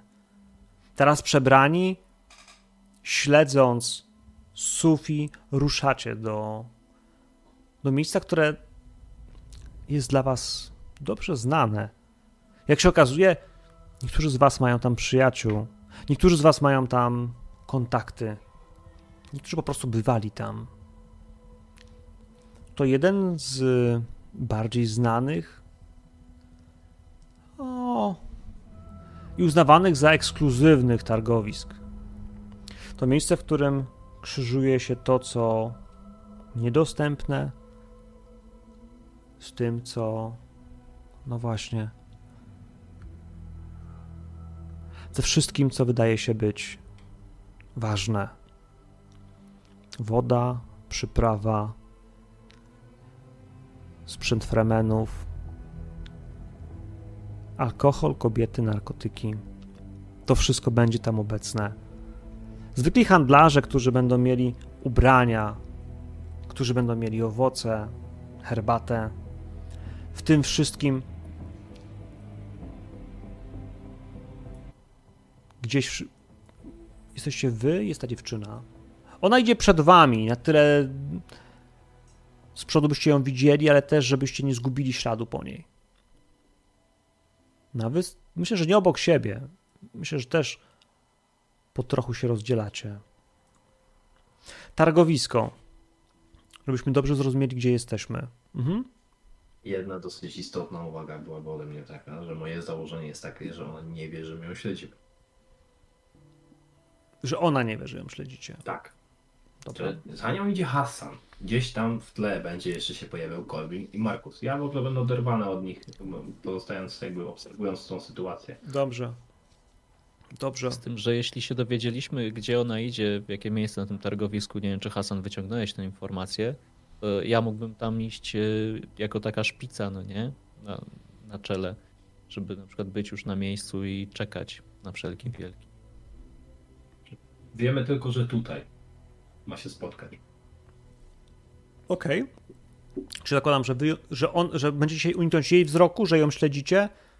Z drugiej strony nie dać też znać wszystkim tym, do których ona się udaje, że tu jesteście. Opracujemy to jednym rzutem, który za chwilę będziemy realizować. Ale dam tylko światło na to, gdzie jesteśmy i jak to wygląda. Mówiłem wam, że miasto wbite jest w ziemię. Że tu wieżowce nie rosną w górę, tylko rosną w dół że kilkadziesiąt kondygnacji, kopalni, które łączą się kotlinami, przestrzeniami, klifami, które są spadające w dół, w ziemię. Gdzieś na jednym z tych wyższych poziomów, gdzieś niedaleko do powierzchni, jest targowisko ognia i wiatru. Ognia i wiatru. Nigdy nie wiecie, dlaczego chodziło z tym ogniem, bo nigdy nie byliście tutaj za dnia. Zawsze, kiedy jest tu chłodno, kiedy turbiny wpuszczają chłodne powietrze, kiedy słychać śmigła uderzające raz za razem, gdzieś wysoko, nad sufitami. Wysoko nad targowiskiem, 20 metrów, 5, 6 pięter, jest strop. Stalowe belki połączone ze sobą w półłuki wiszą nad wami. Nad tym wszystkim są reflektory. Trochę jak sieć y, reflektorów na stadionie. Uderzają z góry światłem, które jest bez temperatury. Jasne. Więc nawet w nocy wydaje się, że jest to jej widno jak za dnia. Więc stragany, które stoją na środku targowiska, mają baldachimy. Te baldachimy na stalowych rurkach, trochę jak na naprawdę zapyziałym targowisku gdzieś na Bliskim Wschodzie. Egipt, Irak, Iran, ciężko powiedzieć. Ludzie w turbanach, w długich szatach, uśmiechnięci, handlujący. Ci, którzy handlują, próbują się uśmiechać. Ci, którzy kupują, próbują nie dać się okpić. Walczą o cenę. Między nimi co jakiś czas na platformach są te lepsze stragany, te lepsze sklepiki. Drobna herbaciarnia gdzieś tam, dwie, trzy jadłodajnie, coś co pachnie ostrym mięsem, przyprawą, warzywami. To tak mocno pikantne, że kiedy przechodzicie obok nich, aż gryzie was w gardło i w nos. Aż prosisz, żeby się. Kurwa, żeby się czegoś napić. Ta dziewczyna idzie między tymi ludźmi, między tymi straganami, rozgląda się, dotyka raz czy dwa ubrań, zagaduje kogoś pytając o owoc. Wokół tego targowiska są budynki. Budynki, których okna piętrzą się w górę. Więc tam nie ma okien, bo po co? Tu nie wieje tak bardzo wiatr i nie ma takiej przestrzeni, która tego wymagała. Czarne, puste otwory. Każde z tych okien zieje takim poczuciem tego, że, że jest pusto, że jest niepewnie. Budzi was lekki lęk. Straż miejska. Gdzieś przechadza się, tu i ówdzie. Wiecie, że drobny złodziejaszek mógłby tu uciec. Jak zna uliczki, jak wie jak skręcać. Każdy, kto zna ten teren, mógłby, no, gonić się tutaj w tej weftę. Ale wy, no, wy kojarzycie. Hasan, ty masz znajomego, który handluje winem, alkoholem, który jest drogi, który jest ekskluzywny. Karawki z ciężkiego szkła, przychodzisz, witasz się, a on ci tylko kłania, wpuszcza cię za ladę, byś mógł stanąć razem z nim i uśmiechał się do kolejnych ludzi, którzy przychodzą, pytają. A przychodzą różni ludzie i pytają o różne trunki. Bardziej skomplikowane pytania on podejmie. W sumie, jako sługa Sir Roberta, też się znasz na winie. Nie ukrywajmy swoje, wiesz, na ten temat. Nie ma problemu. Sherdan, twój przyjaciel, ktoś, kto handluje przyprawą, Jewrasz, on nie ma stoiska. On ma za to. Hmm, ma za to potężnego, rosłego tragarza. Gość ma taki wielki plecak, na tym plecaku jest taki mały kredens z tysiącem szufladek. A on sam rozstawia ten kredens na dwóch nogach, zatrzymuje się. I co sprytniejsi wiedzą, że ma przyprawę że trzeba się targować o drobną uncję tego, by móc dostać odrobinę melanżu czystego, rafinowanego. Czy ty chcesz, żeby on stop nawiązał kontakt, czy tylko by był w pobliżu, gdyby był potrzebny? Ja się z nim skontaktowałem wcześniej. Przekazałem mu, czego będę potrzebował, a w zasadzie wymogłem na nim to, żeby zrealizował mój plan, bo to było mi potrzebne. I po prostu powiedziałem mu, że Nastał czas atrydów. A to znaczy, że nastał dla ciebie dobry czas, Dżemrasz. Bo człowiek, który jest twoim serdecznym przyjacielem, jest blisko źródła przyprawy na Arrakis.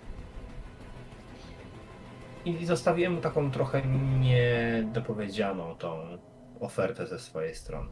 Wiedząc, że on zna mnie i wie, że może liczyć na to, że mu się odpłacę kalkulowany i analityczny sposób, taki, żeby następnym razem również uznał, że jest przydatnie się ze mną dobrze trzymać. Więc poprosiłem go o to, żeby ustawił się w konkretnym miejscu razem ze swoim tagarzem. I zanim to zrobi, to żeby poczekał na sygnał od Korbina. A Dobra. Korbin jako człowiek, który będzie ubrany jako pomocnik tego tragarza, po prostu yy, śledząc tą yy, Safi, da znać, przepraszam, Sufi, żeby ją, żeby się ustawić gdzieś w pobliżu, żeby mieć jakby jak najbliżej do całej tej sytuacji. I oczywiście Markus też jest razem tutaj. Dobrze, więc on się przechadza i będzie do twojej dyspozycji. Korbin, Markus, wy przebrani po prostu staracie się wtopić w tłum i gdzieś między ludźmi przechadzać. A ta dziewczyna idzie, mija kilka straganów i zatrzymuje się przy, przy budynku, który jest restauracją. I to taką z tych lepszych. Taras kamienny z szlifowanego kamienia lśni, tak jakby był polany wodą, chociaż nie jest. Po prostu jest tak dobrze wypolerowany i tak utrzymany w czystości, że żaden pył się go nie ima. Przy kamiennych stolikach siedzą goście. Goście, którzy są lokalnie ważni, którzy mają hm, pieniądze. I kiedy ona podchodzi do jednego z tych stolików, kiedy ściąga chustkę z głowy, kiedy pokazuje włosy, podchodzi do niej kelner, sługa, który, ona wie, że ona tu nie pasuje, więc próbuje ją zbyć. A potem ona do niego coś mówi, a on robi się natychmiast czerwony, przeprasza ją i prosi ją do stolika. I widzicie, jak podchodzi do stolika, za którym siedzi mężczyzna, który jest łysy, który ubrany jest w czarny, skórzany płaszcz, który ma czarną kropkę na ustach, który ewidentnie z Ria jest Harkonnenem. Krzykliwie mówi, że nie boi się nikogo i niczego. Panowie, ten człowiek nie jest tu sam. Ten człowiek nie jest tu sam, bo taki ktoś nie chodzi bez ochrony. Tu są jego ludzie. Ja wydam punkt treta na to, by zwiększyć poziom trudności testu na skradanie się, na wasz move. Właśnie dlatego, że on tutaj nie będzie sam. To pierwsza sprawa. I potrzebuję od was na move. Nie chcieliście być wykryci. Nie chcieliście, żeby ona was zauważyła, nie chcieliście, żeby on was widział. Więc zanim ona powie te wszystkie ważne rzeczy, zanim powie dokładnie to, co Hasan kazał jej powiedzieć, może się okazać, że oni już wiedzą, że tu jesteście, że on wie, że tu jesteście. Stopień trudności 3. To są rzuty na move. Kombinujcie pod górkę jak tylko możecie. Ja użyję tego perka, który mamy, który daje nam, mnie, jeden sukces od razu. I podchodząc do tej sytuacji, będę polegał tylko i wyłącznie na sobie, bo to jest taka sytuacja, w której tak wiele rzeczy może pójść nie tak, więc nie będę się martwił o innych. Trochę jak e, pilot na statku powietrznym, martwię się najpierw o siebie, żeby zadbać o swoje bezpieczeństwo, dlatego to będzie move i power. Y, Ja będę. To rzucaj od razu. Od razu rzucaj. Wow. E, nie, nie kupiłeś żadnego. e, Stopień trudności jest 3, to od razu mówię, nie? więc jeśli e, rzucasz dwoma kośćmi na samego początku, to skazujesz się na dosyć wiesz, E. ciężki sukces. Nie? Znaczy nie, no kupiłem ten jeden sukces by default, nie? Z, Aha, w ten z sposób. tego perka. E, z, z, z, co to jest? Bolt?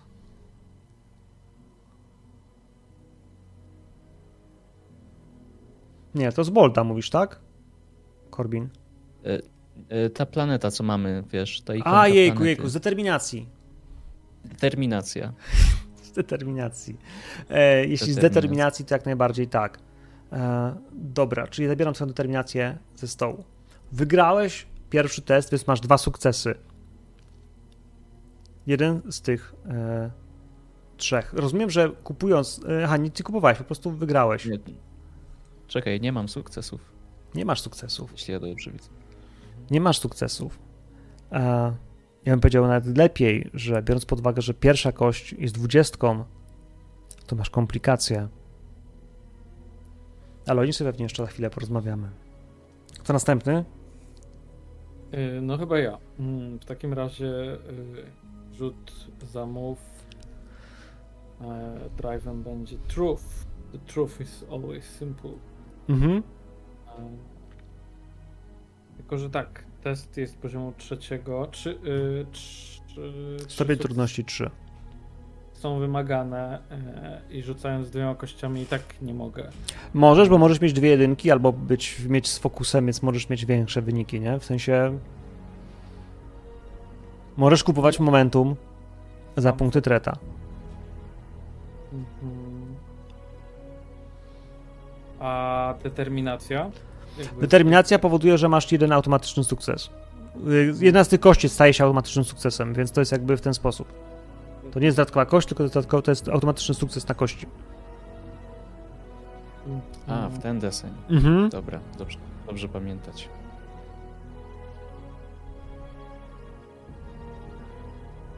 To I- co? Mm, Momentum?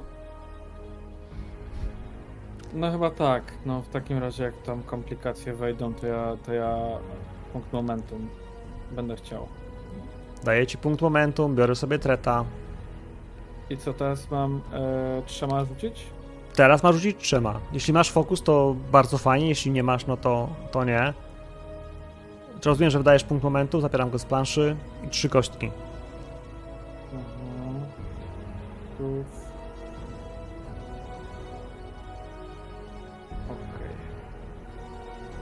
I fokus. I tu są cztery sukcesy. To znaczy, że wygenerowałeś. Poza tym masz fokus stealth, czyli no cóż, jeden punkt momentum do puli wrócił w tej chwili, chociaż moje rzeczy w tej chwili bardzo pourastały. Sherdan, Hasan. Używaliście waszych asetów, więc ja wam dam po jednej kości za to, że macie te asety, nie? że użyliście ich do tego, by w jakiś sposób sobie działać. Właściwie- W sumie, ja powiem tak, Hasan, ty masz ten aset, Sherdan, ty nie masz, bo w sumie twój aset czeka na użycie później. On jest bardziej przydatny do następnych operacji, on, on właściwie aktywnie ci jeszcze nie pomaga, bo o tym mówiliśmy, że on dopiero przyjdzie, kiedy będzie potrzebny. Czy aset daje mi na przykład mechanicznie jakąś kostkę, czy coś Tak, takiego? jedną czy... kostkę, tak. A, sztos, dobrze. W Znaczy- takim razie. E, Tam- pozwól, że tak. rzucę i oddam ci, oddam ci scenę, bo u mnie to będzie dość szybkie, mam nadzieję. E, ja jestem w dobrym miejscu, z boku, daleko, nie rzucam się w oczy. Moje ruchy są bardzo ogólne, em, bardzo mm, mechaniczne, bardzo nie rzucające się w oczy. Em, I ja jestem tutaj po to, żeby robić to, co najlepiej umiem, czyli służyć. To jest mój obowiązek. Koniec, więc robię swoje i od czasu do czasu rzucam okiem, czy wszystko idzie zgodnie z planem. E, więc rzucę sobie na ten move e, z fokusem. Em, I po prostu duty, bo jestem w dobrym miejscu. Mam asset, to jest jedna kostka. Budowanie dużych ilości kości powoduje, że możecie mieć większą ilość sukcesów, więc kiedy masz szansę, że masz Weź ich se więcej... treta, ja sobie kupię kostkę, weź se treta. No chcę wziąć treta. Jo. Kupiłeś kostkę. Czyli macie teraz dwa momentum. Rozumiem, że y, kupiłeś sobie treta, więc y, używasz jedno momentum. Czyli byś miał cztery kostki Tak jest. Tak jest. Bardzo proszę. Powinno rzucić czterema. Proszę bardzo. I się wypadło. Jest 5. Dzięki temu, że kupiłeś dodatkową kostkę, masz dodatkowy sukces i przy tym masz 5 sukcesów, dwa nadprogowo, więc masz dodatkowe dwa punkty treta do puli. Sherdan, Dwa momentum. dwa momentum do puli, przepraszam, to jest y, punkt impetu. Plus. Na plus. Ja bym chciał. Ja bym chciał zrobić następującą rzecz. To znaczy, kiedy udaję się na swoje miejsce, gdzie będę obserwował, chciałbym zamiast rzucać na move, rzucić na understand. Bo ja bym nie chciał ukrywać się przed tymi ludźmi w sposób fizyczny. Ja po prostu chciałbym zrozumieć, gdzie oni stoją, poznać tą siatkę, wyhaczyć jednego, potem od niego, po jego wzroku na przykład zobaczyć następnego, albo wymyślić, jakie punkty powinny być obstawione, znając na przykład to, jak jest chroniony Sir y, Robert. I y, na podstawie tego wnioskować, gdzie ci szpicle, czy ci ochroniarze tego Harkonnena powinni się ustawić i przejść taką ścieżką, gdzie nie będą mieli prawa mnie zobaczyć. Y, więc chciałbym rzucić na Understand i na To będzie użycie Instant Study, czyli ym, tak, to jest to. Tak, tak, tak, tak, tak, tak. I. I chciałbym rzucić na Truth. Bardzo proszę. Czy Bo jakichś prawda punktów momentum? Zostanie przede mną odsunięta. Tak, jednego. Dobra, to zabieram go. Czyli będziesz miał trzy kostki. Czyli to będzie tak, to będzie Understand and Drive Truth. Kostki 3. Fokus jest. No to oddaję do momentu z powrotem. Dobra, bo mamy dwa sukcesy na fokusie, więc wchodzimy. Wyszliście po tej scenie, pomimo jednej przegranej, wyszliście do przodu o, o 3 punkty impetu. Rozeszliście się. Każdy z was robił coś innego. Hasan, ty widzisz, ta dziewczyna podchodzi do, do Harkonnena.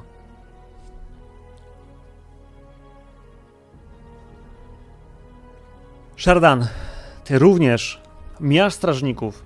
Widziałeś kilku rosłych Harkonnenów. Ludzi w, w zbrojach, którzy są ewidentnie, wiesz, przykryci tylko ponczami, szatami, które mają tylko delikatnie ukryć. Wprawne oko widzi, że to nie są zwykli mieszkańcy Arakin.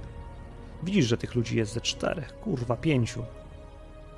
Ale wydają się być rozproszeni, wydają się po prostu go ochraniać. Nie zauważyłem ani ciebie, ani Hasana, po prostu patrzą na swego pana i na zagrożenie, które jest wokół niego. Za bardzo skupili się na celu. Krążysz tam, gdzie chcesz. Markus, tobie też udaje się po prostu wtopić się w tłum. Twarz, która hmm, uśmiecha się do wszystkich. Aż do momentu, kiedy Corbin. Corbin, jak to się stało? To ty miałeś się nie wtapiać, wiesz, nie wyłamywać, nie, nie, nie wyłapywać się. To ty jesteś z tego miejsca. To ty znasz to targowisko, to znasz tych ludzi, tą kulturę. Co się stało? Ja powiem ci, co się stało. Zatrzymał cię mężczyzna o niebieskich oczach. Zatrzymał cię rosły Fremen. Widzisz po samym filtraku, że to nie jest gość, który sobie to tutaj skonstruował. To jest na bank Fremen. Tatuaże plemienne na policzkach od lewej do prawej i jego oczy na czole wytatuowane słońce. A ty wiesz, kto to jest. O tym gościu słyszałeś. Stilgar. Przywódca jednej z siczy. Człowiek legenda. Człowiek, o którym mówi się, że jest rozsądny. Położył ci rękę na klatce piersiowej, ni stąd, ni zowąd. Gdzie jest Markus, syn? To komplikacja. Nie wiem. Nie mam pojęcia, co mu odpowiedzieć, bo zamieram na sam jego widok. E, I jeśli mam mu to zdradzić, to zrobię to tylko i wyłącznie za pomocą e, moich oczu, które powiodą gdzieś w tłum, właśnie w miejsce, w którym być może Markus tam jest. Jeśli go widzę, bo może go nie widzę, no nie? Ale widząc przed sobą Stilgara, no właśnie, zamieram, no nie? Panowie, więc wydaję dwa punkty treta, zanim cokolwiek zacznie się kręcić, bo Corbin, ty spoglądasz gdzieś w kierunku, gdzie powinien być Markus i ty widzisz, że jak tylko Stilgar spojrzał tam, gdzie ty, to tylko gwiznął spod, spod wiesz, spod zębów i słyszysz i widzisz po prostu, jak pojawiają się cienie. Ludzie w kapturach. Wojownicy. Ludzie pustyni. Jest ich czterech i idą. Idą w kierunku Markusa. Jakkolwiek uniknął Harkonnenów, to twoja komplikacja właśnie się nam rozkręca.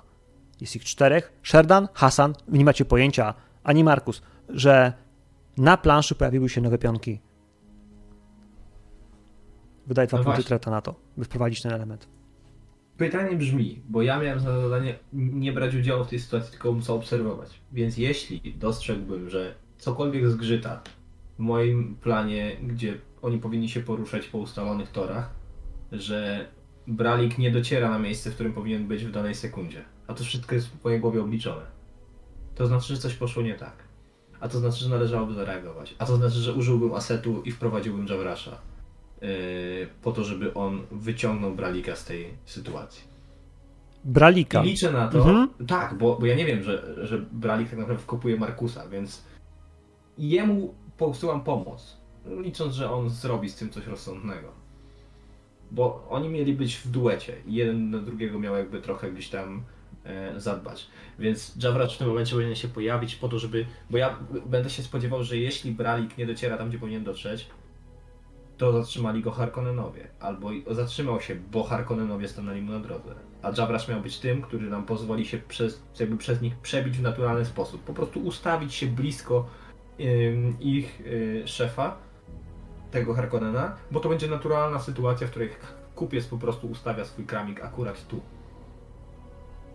I teraz po twojej stronie, Piłka? Bardzo proszę. Bardzo proszę. y, po stronie Maćka tak naprawdę. Bo Stilgar się odwraca. Natychmiast, jak tylko wskazałeś kliznął swoich ludzi, spojrzał ci pogardliwie na twarz. On wie, że nie jesteś jednym z nich. Że możesz aspirować, ale nigdy nie będziesz Fremenem, prawdziwym Fremenem. Odwraca się. Widzisz pogardę w jego oczach, na twarzy, która skrywa, skryta pod brodą w tym momencie, wiesz, po prostu jest wygięta w drugą stronę, w podkowę e, tego nie, nienawistnego spojrzenia i uczucia. Odwraca się, Natychmiast koło ciebie pojawia się mężczyzna. Yy, z, z rosłym gościem. Yy, może pan kupi y, przyprawę, może pan kupi przyprawę? Pan się, niech pan się kurwa ruszy, bo cię kurwa rozjemią. Chłopcze, chłopcze, chłopcze. Harkoneni, Harkoneni. Czterech Harkonenów. Przypomnę ci, że twój test się też nie udał. Tak po prostu się nie udał. Skradałeś się i Harkoneni, których wy ominęliście, zwrócili na ciebie uwagę. Zwrócili uwagę na człowieka, który był w Orszaku gdzieś tam w pałacu idą w twoją stronę. Więc Dwóch. jedyną rzeczą, jaką mogę teraz zrobić, żeby tak sobie to kminie, żeby uratować całą sytuację, to ściągnąć ich po prostu na siebie i być może zostawić tego Harkonnena, po którego my przyszliśmy, bez ochrony. Więc nie patrząc na nic, wyciągam, będę chciał wyciągnąć pistolet Maula i wymierzyć w któregoś z Harkonnenów, po czym Gość łapie cię za rękę. Jevrasz proponuje, że on. Ja sobie zrobię. Zro, zwrócę uwagę na nas, że nie zaatakują nas przy ludziach. Straż Miejska przyjdzie, nie zaatakują nas. to rób to. Panie kochany!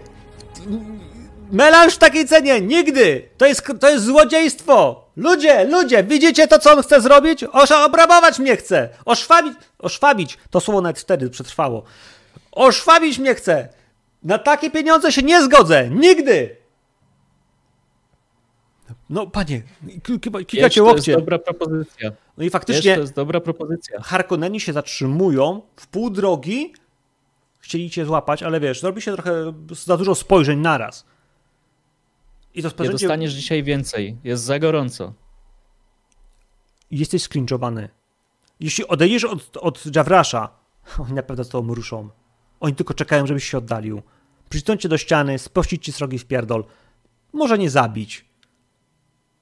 Ale na pewno ci nie odpuszczą tak po prostu. Więc tutaj na chwilę cię fryzujemy. Jako po prostu osobę, która, no jeśli czegoś więcej nie zrobi, będzie, będzie zablokowana. Markus, Sherdan, Hasan. Dziewczyna podchodzi. Chwilę z nim rozmawia. Widzicie, jak mentat pochyla się, jak spogląda w jej oczy, jak przegląda się jej każdemu drgnięciu, ruchowi. W pewnym momencie wyciąga rękę i dotyka jej kołnierza. Tego kołnierza, w którym miała zaszyte tabletki, o które ktoś pytał, do czego są. A są do, no, do uśpienia kogoś. To nie jest trucizna, którą można by zabić, ale trucizna, którą jak komuś się poda, to można z nim sporo zrobić. Taka współczesna tabletka gwałtu. Dotyka i widzi, że było rozprute, że jest zaszyte. Drobiazg, który widzi, który nie umknął jego oczu. Wciąga rękę. To uderzenie jest y, za wolne,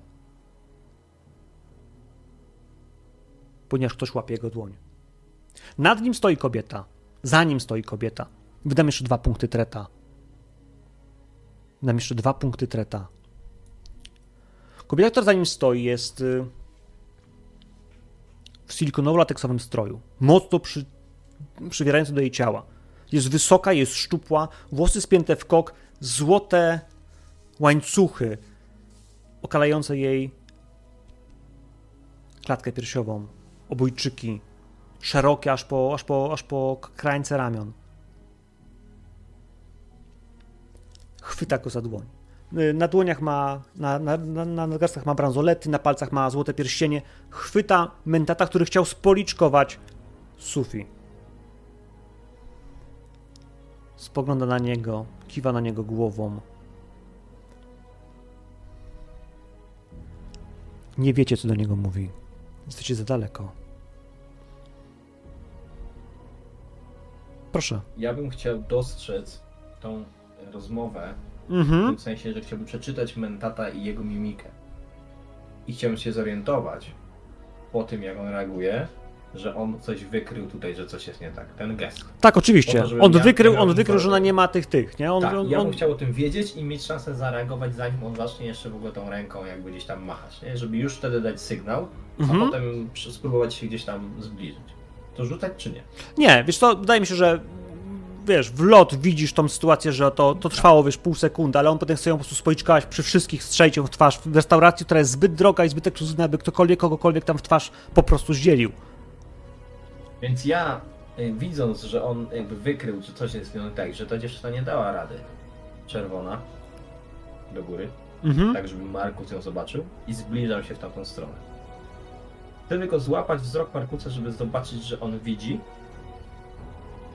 I Markus zobaczy, bo Markus y, metodycznie po prostu co chwila y, bardzo ukradkiem zerkał. Y, czasem kątem oka, czasem na straganie przez lusterko, które akurat leżało wśród jakichś drobiazgów, ale obserwował. I ja ją po prostu upuszczam gdzieś pod jakiś stragan razem z tą białą i ruszam w stronę tej sytuacji. Ale nie chcę biec, ani nie chcę też wybiec poza jakiś tam, wiesz, taki perymetr, który gdzieś otacza tego gościa, tylko chcę mieć go w takim zasięgu, żeby był w stanie do niego dobiec kilkanaście kroków. Czyli chcę być bliżej ni- niż deklarowałem. Mm, Omijając Jabrasza, jakby całą tą sytuację, wiedząc gdzie on jest, to sta- stanąc z, stanąć z takiej strony, żeby mieć relatywnie czystą drogę w stronę Harkonnena i tam stamtąd dalej jakby obserwować tę sytuację. A ja będę wchodził, próbował wejść do restauracji. Ja też bym chciał wejść do restauracji, ale ja bym chciał wyglądać, jakbym tam pracował. Żeby po prostu zmniejszyć dystans i być w razie czego pod ręką. Ja jako klient, bo mam akurat bogatą, dobrze zdobioną szatę i wyglądam schludnie.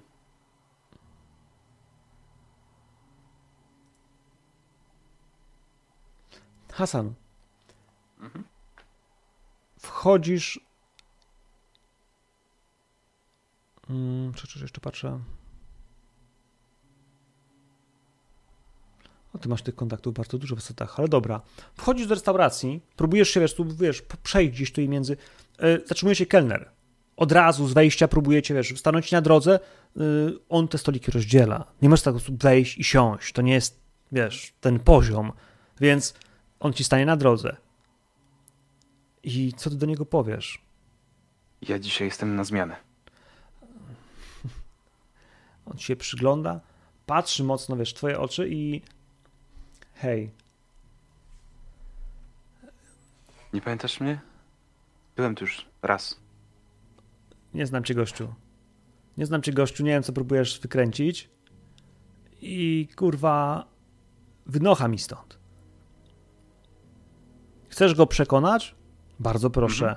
Potrzebujesz rzut na communicate? Wydaje punkt Mhm. treta, potrzebuję od ciebie Mhm. trzech sukcesów.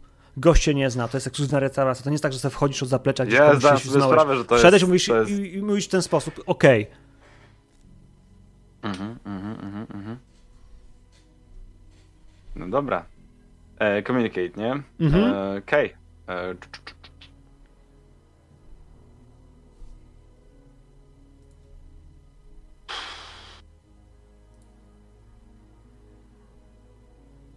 Okej. na dwóch kościach Dobra, rzucasz? będzie. Właśnie myślę. Um, zgarnę sobie momentum jedno. Bardzo proszę. Masz trzy kości. Mm.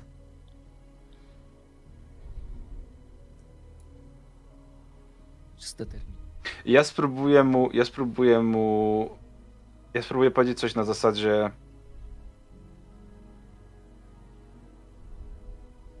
Nie pamiętasz mnie? Już raz ci ocaliłem dubsko w tej restauracji. Więc pozwól, że zrobię swoją robotę i nikt nie będzie ci zaglądał do papierów. E, słuchaj, jeśli robimy communicate, to ja to i nie widzę dyplomacji. Nie, To nie, jest- nie, to nie, jest, nie, kurwa, absolutnie, jakaś- Absolutnie nie ma, nie ma wiesz, dyplomacji. Gruba nie, nie, nie, historia, nie? Więc tutaj bez Tak, fokusa. tak, tak, tak. To jest szycie, szycie jak nic. Szycie Może on się wystraszył, że faktycznie coś ktoś coś dla niego zrobił, on czego nie pamięta. Nie Ale- wiem. Mhm. Ale w związku z tym, że kupiłem kostkę, ja chcę zasiać w nim ziarno niepewności, że on może rzeczywiście czegoś nie pamięta i żeby był bardziej skłonny do tego, żeby pójść na ugodę. Okej, czyli będziesz miał cautious, że będziesz mógł. Yy... Tak, to jest to? W sensie to jest Subtle Words. Subtle Words, okej. E, Kiedy robię Communicate i kupuję kostkę, wydając momentum, to generuje trita za darmo. Okej, i co chcesz zrobić tym trytem jest co? E, żeby on po prostu szedł na że rzeczywiście zasiać w nim takie ziarno niepewności, żeby on pomyślał, kurde, może ten gościu rzeczywiście wie co mówi, ja czegoś nie pamiętam. Dobra, to daję ci za to kostkę, kostkę dodatkową. Za tego Okej. traita. Bo to faktycznie jest to, Eee. że on będziesz miał szansę, że to się stanie. Poziom trudności jest 3. Dobra. E, cz- Czy ma teraz cztery kosteczki, tak? Tak. Sztos. Bez fokusa. Mhm. I mamy dwa sukcesy. Mamy dwa sukcesy. Gość tak na ciebie patrzy, po prostu wiesz, odpycha cię ręką, żebyś się odsunął o krok Mhm. i wskazuje ci, żebyś sobie poszedł. Kurwa, gdzieś po prostu w, w tą... Nie wywoła jeszcze straży, ale jest takie generalnie, że stary, Mhm. cokolwiek kurwa kombinujesz, nie ze mną te numery. Wiesz, nawet nie komentuje tego, po prostu odpycha cię delikatnie i Jasne. pokazuje ci palcem, żebyś sobie poszedł. Mhm. Dobra, dobra, odchodzę. Markus, w tym czasie wciska, wciskasz się. Wciskasz się na ten. Wykorzystuję moment, y, jak akurat Haftan y, się z nim... Nachylił mu się do ucha. Chyba nie zauważył ciebie, że ty próbujesz wejść. Próbujesz wejść i co chcesz zrobić, wchodząc na te stopnie tej restauracji? Na tą część zewnętrzną, która jest takim tarasem, który patrzy na, na przestrzeń targowiska. Dziewczyna Y, właśnie łapie. Znaleźć wzrokiem y, Sufi? Sofię. Sufi. tak. Mhm. Sofię I, I będę chciał się zbliżyć do nich. Pewnie.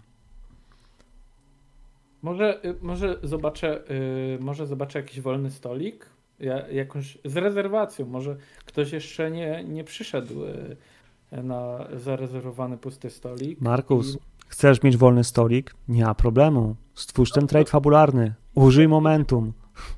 Dobrze, użyję sobie momentum i chcę y, usiąść niedaleko nich, tak żebym słyszał o czym mówią. Siadasz. Zabieram momentum.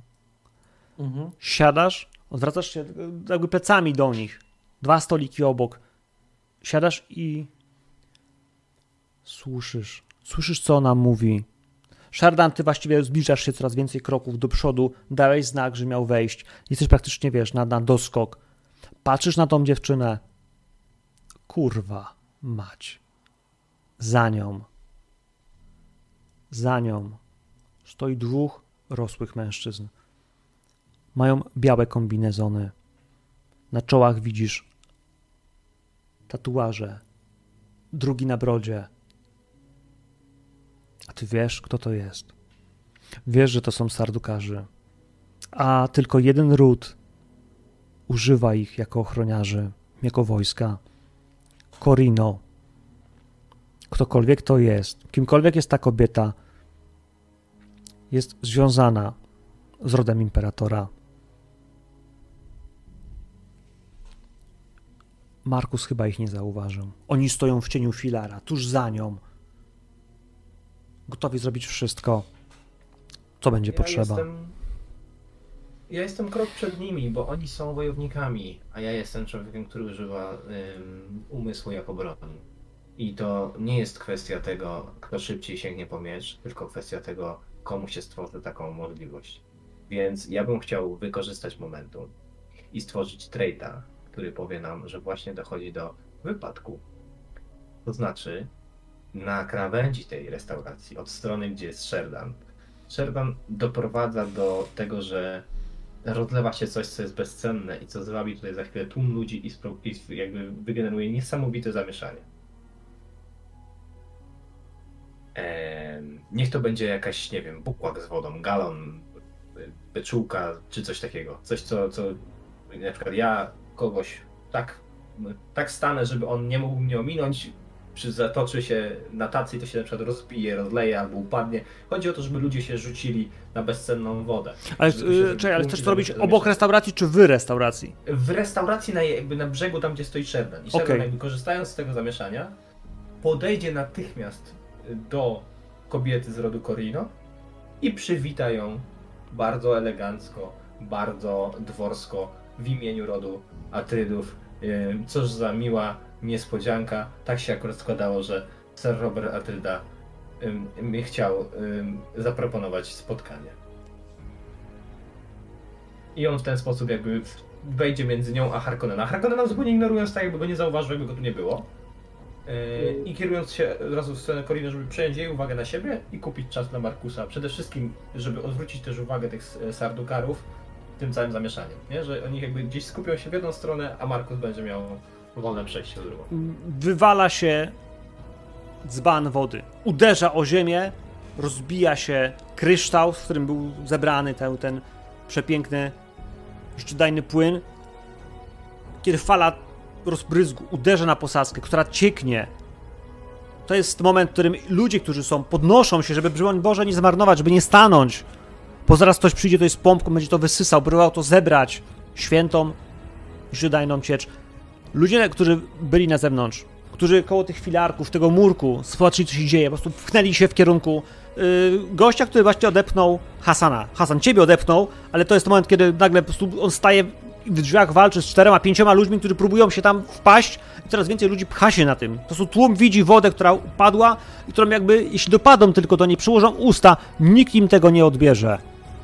Sherdan, ty podchodzisz, to padło, to jest brzdęk, dziewczyna spojrzała, widzi twoją twarz. Markus, ty słyszałeś dwa słowa, które padły zanim Sherdan zainicjował tą scenę.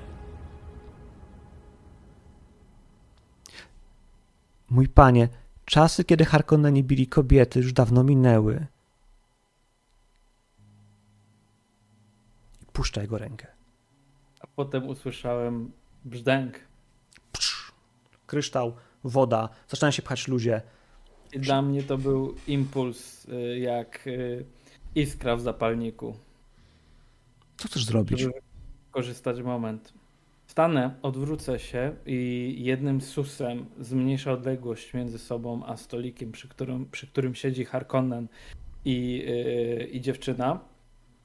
Yy, w ręku będę już trzymał sztylet przygotowany do tego, żeby yy, rzucić go w szyję Harkonnena. Yy, no to będzie taki rzut, powiedzmy, dla mnie mm, nic wyjątkowego, bliska odległość. E, rzucę go, aby go od razu zabić. E, pochwycę dziewczynę i spróbuję e, wziąć ją na ręce i wybiec z nią. E, jesteśmy na piętrze czy na Nie, to jest parterze? parter, to jest parter. Po prostu, wiesz, 2-3 stopnie. E, e, Wyskoczymy okno, wyskoczymy przez okno i zamierzam ją porwać i gdzieś, i gdzieś uciec. E, Zobaczymy.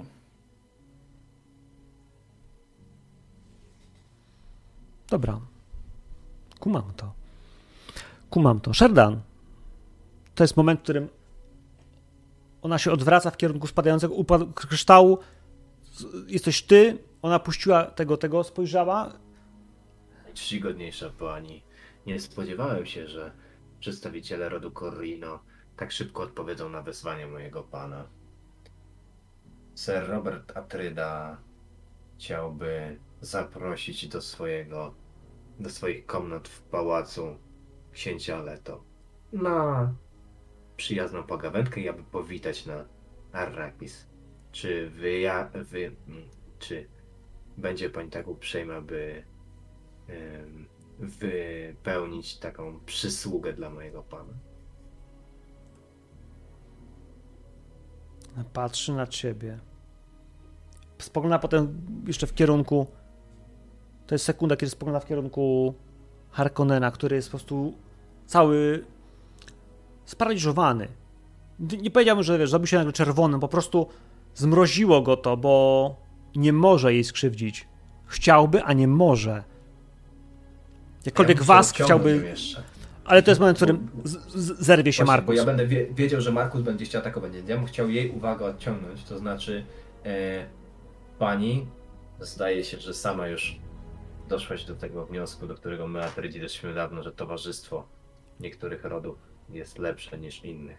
Pozwolisz? I chciałbym ją tak zgodnie z jakąś y, etykietą, może nie dotknąć, bo to chyba nie będzie padało, ale poprowadzić parę kroków, żeby się odsunąć od tego Harkona na zasadzie, że przebywanie obok takiego człowieka nie przystoi naszej, naszej dwójce.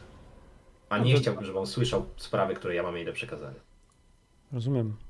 Może dadzą radę trochę się odsunąć. Zanim ja myślę, że na korzyść, że na korzyść tych wszystkich osób, które są zaangażowane w tamtą akcję, jest to, że siły Harkonnenów są skupione na mnie. Tak, Trzymam kciuki. ale są siły dwóch sardukarów, którzy ją ochraniają. No, ale Ja- ja jakby wiesz, chcę ją odciągnąć od tej sytuacji, nie? Dobra, Wiesz, słuchaj, więc potrzebuję od ciebie, y, szmuglerze, y, przepraszam, y, szardanie, potrzebuję od ciebie rzut na communicate. To nie jest twoja mocna strona, ale starasz się. Starasz się faktycznie przekonać, że, że to jest opcja, którą ona chciałaby wybrać. Że to jest rzecz, którą, która może ją zaciekawić, zabawić, cokolwiek. Szukasz, wiesz, punktu, który byłby dla niej interesujący. Ja bym tutaj się trochę z tobą potargował w tym sensie, żebym zaproponował użycie mental discipline i zmienił to z communicate na understand. Ale czy to nie używałeś już tej sceny dzisiaj? Nie, nie, nie, bo ja bym. To nie jest tak, że, że chcę użyć. y, wymienić jakby skilla, Mhm. tylko y, zaproponować ci, że on jej. Y, on, on jakby nie przegaduje jej do końca. Tylko y, chciałbym jako Sherdan opowiedzieć jej o jakiejś sytuacji, która była związana z Robertem Atrydą i z rodem Corino, która mogłaby się wydawać dla niej na tyle interesująca, że ona by ze mną poszła, bo, bo to jest sytuacja, która się wydarzyła. Ja ją doskonale pamiętam, bo po prostu byłem przy tej sytuacji, więc mogę jej ten dialog streścić, y, mogę go jakby przedstawić y, od A do Z. Może nawet ona brała w nim udział. To jakby Dobra. Zostawiam już tobie, ale chodzi mi o to, żeby wykorzystać moją pamięć i to, że ja jak, jak taki wiesz, archiwum zapamiętuję dialogi i konwersacje, które się wydarzały w obecności mojego pana i jakąś sprawę, z którą Corino mieli, mieli styczność z Robertem Atrydą i po prostu przypomnieć o niej, powiedzieć czcigodna pani, jakiś czas temu Sir Robert Atryda razem z przedstawicielem rodu At- y, Corino omawiał potencjalne interesy, kiedy ród Atrydów pojawi się na Arrakis i będziemy, to my będziemy dystrybuować przyprawę. Padło wtedy, że jesteście zainteresowani mm, halami B14 do C16, aby niejako dzierżawić je od rodu Atrydów i usprawnić przepływ przyprawy dla rodu Corrino. I Sir Robert byłby bardziej niż em, rad, aby taką możliwość rodowi Corrino przedstawić, co najchętniej zrobilibyśmy w oficjalny sposób, a żeby do niego mogło dojść, warto byłoby go odwiedzić i kurtuazyjnie spotkać się na e, szklaneczce wina. Ona spogląda na ciebie. Ja proszę, proszę cię o rzut. Ona jest, wiesz. To, że się tu pojawiłeś w tej sytuacji, e, trochę nie na rękę, ale to nie jest łatwa sprawa. Bo ona nic nie wie na temat y, tych silosów. Ona nic tak naprawdę nie wie na ten temat. Tak naprawdę nie wiesz, kim jest i czego pragnie, i jakby dlaczego tutaj w ogóle jeszcze jest, albo dlaczego się tu pojawiła. Wydam mojego treta.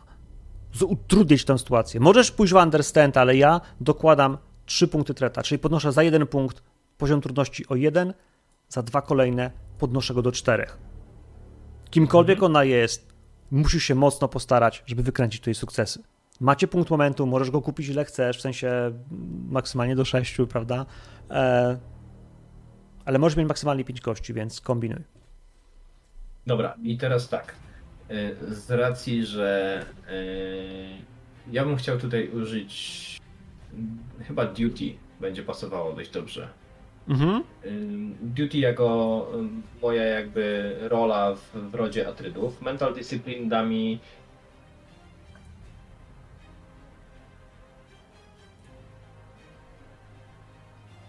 Hmm. Wiesz co to jest?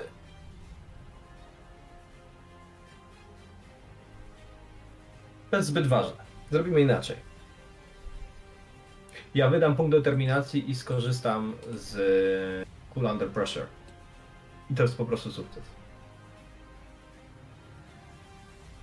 Okej. Nie generuję momentum, Jakby nic więcej się nie dzieje, to po prostu jest sukces na czterech, na cztery, znaczy to są po prostu cztery sukcesy w rzucie i tyle.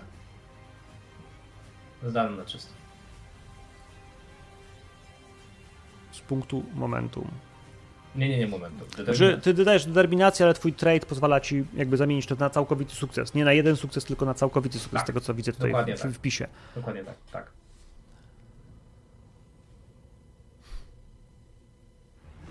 daje się złapać za dłoń, poprowadzić jakby od tej sytuacji, od tej sceny.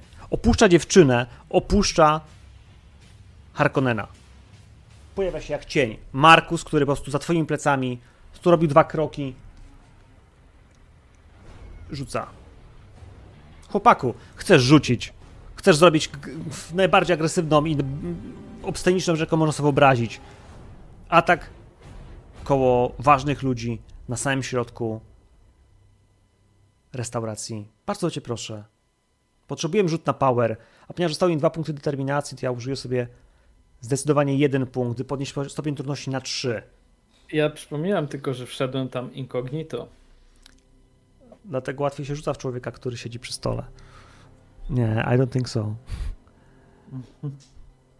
Macie punkty, używajcie. Dobrze. Na, y, na co? Weź ten momentum, co go zostawiłem. y, Tak, jeden momentu. Y, I na, to, na power to będzie rzut, tak? Oczywiście. Mhm. To, bat, to będzie chyba battle. Battle, battle, battle. Battle będę rzucał. E, na power nie Żeby mam, być communicate. e, na battle mam fokusy, ale nie wiem czy tutaj dueling czy Nie, strategy. nie, myślę, że nie. Du- Ani dueling, ani strategy bym ci nie przyznał, bo to jest, wiesz, nie jest strategia, to jest raczej impuls, że kurwa, musimy go zabić, to wiesz. bez fokusu na power. E, I użyję sobie użyję sobie e, momentum Mhm. i jeszcze jedna rzecz jest. Możesz dokupić też jedno momentum za treta, a potem użyć dwóch. Bo kiedy teraz kupujesz, to wydasz, wiesz, jednego kupisz i dasz mi jeden kamyczek, więc jeden impet. Użyć tych, tych których mam na razie. Dobra, czyli Jednak zużywamy jednego, okej. jednego. I to będzie y, jaki poziom trudności? Trzy, bo ja wydałem mój, mój, mój, mój, moje zagrożenie, żeby ci zwiększyć, wiesz, E, Stopień Ale ja mogę generować, y, mogę jeden z automatyczny sukces mieć. E, z mojego z mojego talentu. z którego? When you attempt e, bolt. When you attempt, To musisz e, kupić, bo mieliśmy jeden momentum, który było, ale jeśli chcesz, ale żeby... Musisz buy additional to 20 by generating threat, czyli musisz kupić w tym momentum, generując mi threat. temu będę mógł e, Czyli- będę mógł e, reload zrobić. Tak, będą dwa punkty momentum. I e, będę mógł zrobić reload. Jednej dwudziestki z tego pulu. Dokładnie. Czyli kupiłeś i teraz robisz battle. Ile używasz? Czterech. Dobra, czyli zu- zużywam dwa punkty twoje, na wasze zabieram z puli. Dwa punkty impetu. Rzucaj czterema kośćmi. Power. Bez fokusu, cztery kości.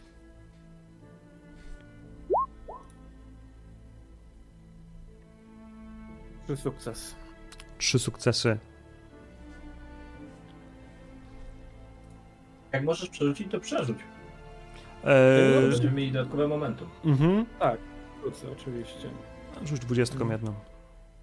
Rzucę jedną dwudziestką po prostu. Mm.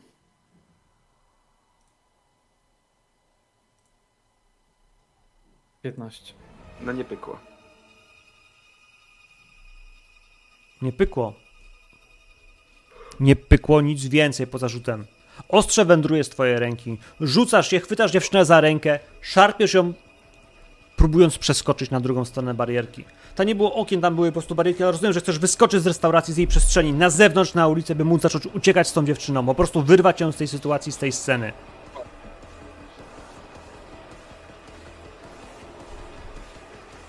I tak się dzieje. Wyskakujesz, ostrze wbija się w klatkę piersiową. Nie wiesz, czy go zabiło. Nie masz czasu sprawdzać, chwytasz ją, wyrywasz ją na ulicę. Dziewczyna, która stoi koło ciebie, Sherdan. Kobieta. Członkini rodu Corino spogląda tylko w kierunku ostrza, które tkwi w ubraniu. Wbiło się w klatkę piersiową, ale nie zabiło tego człowieka. Wbiło się, odrzucając go.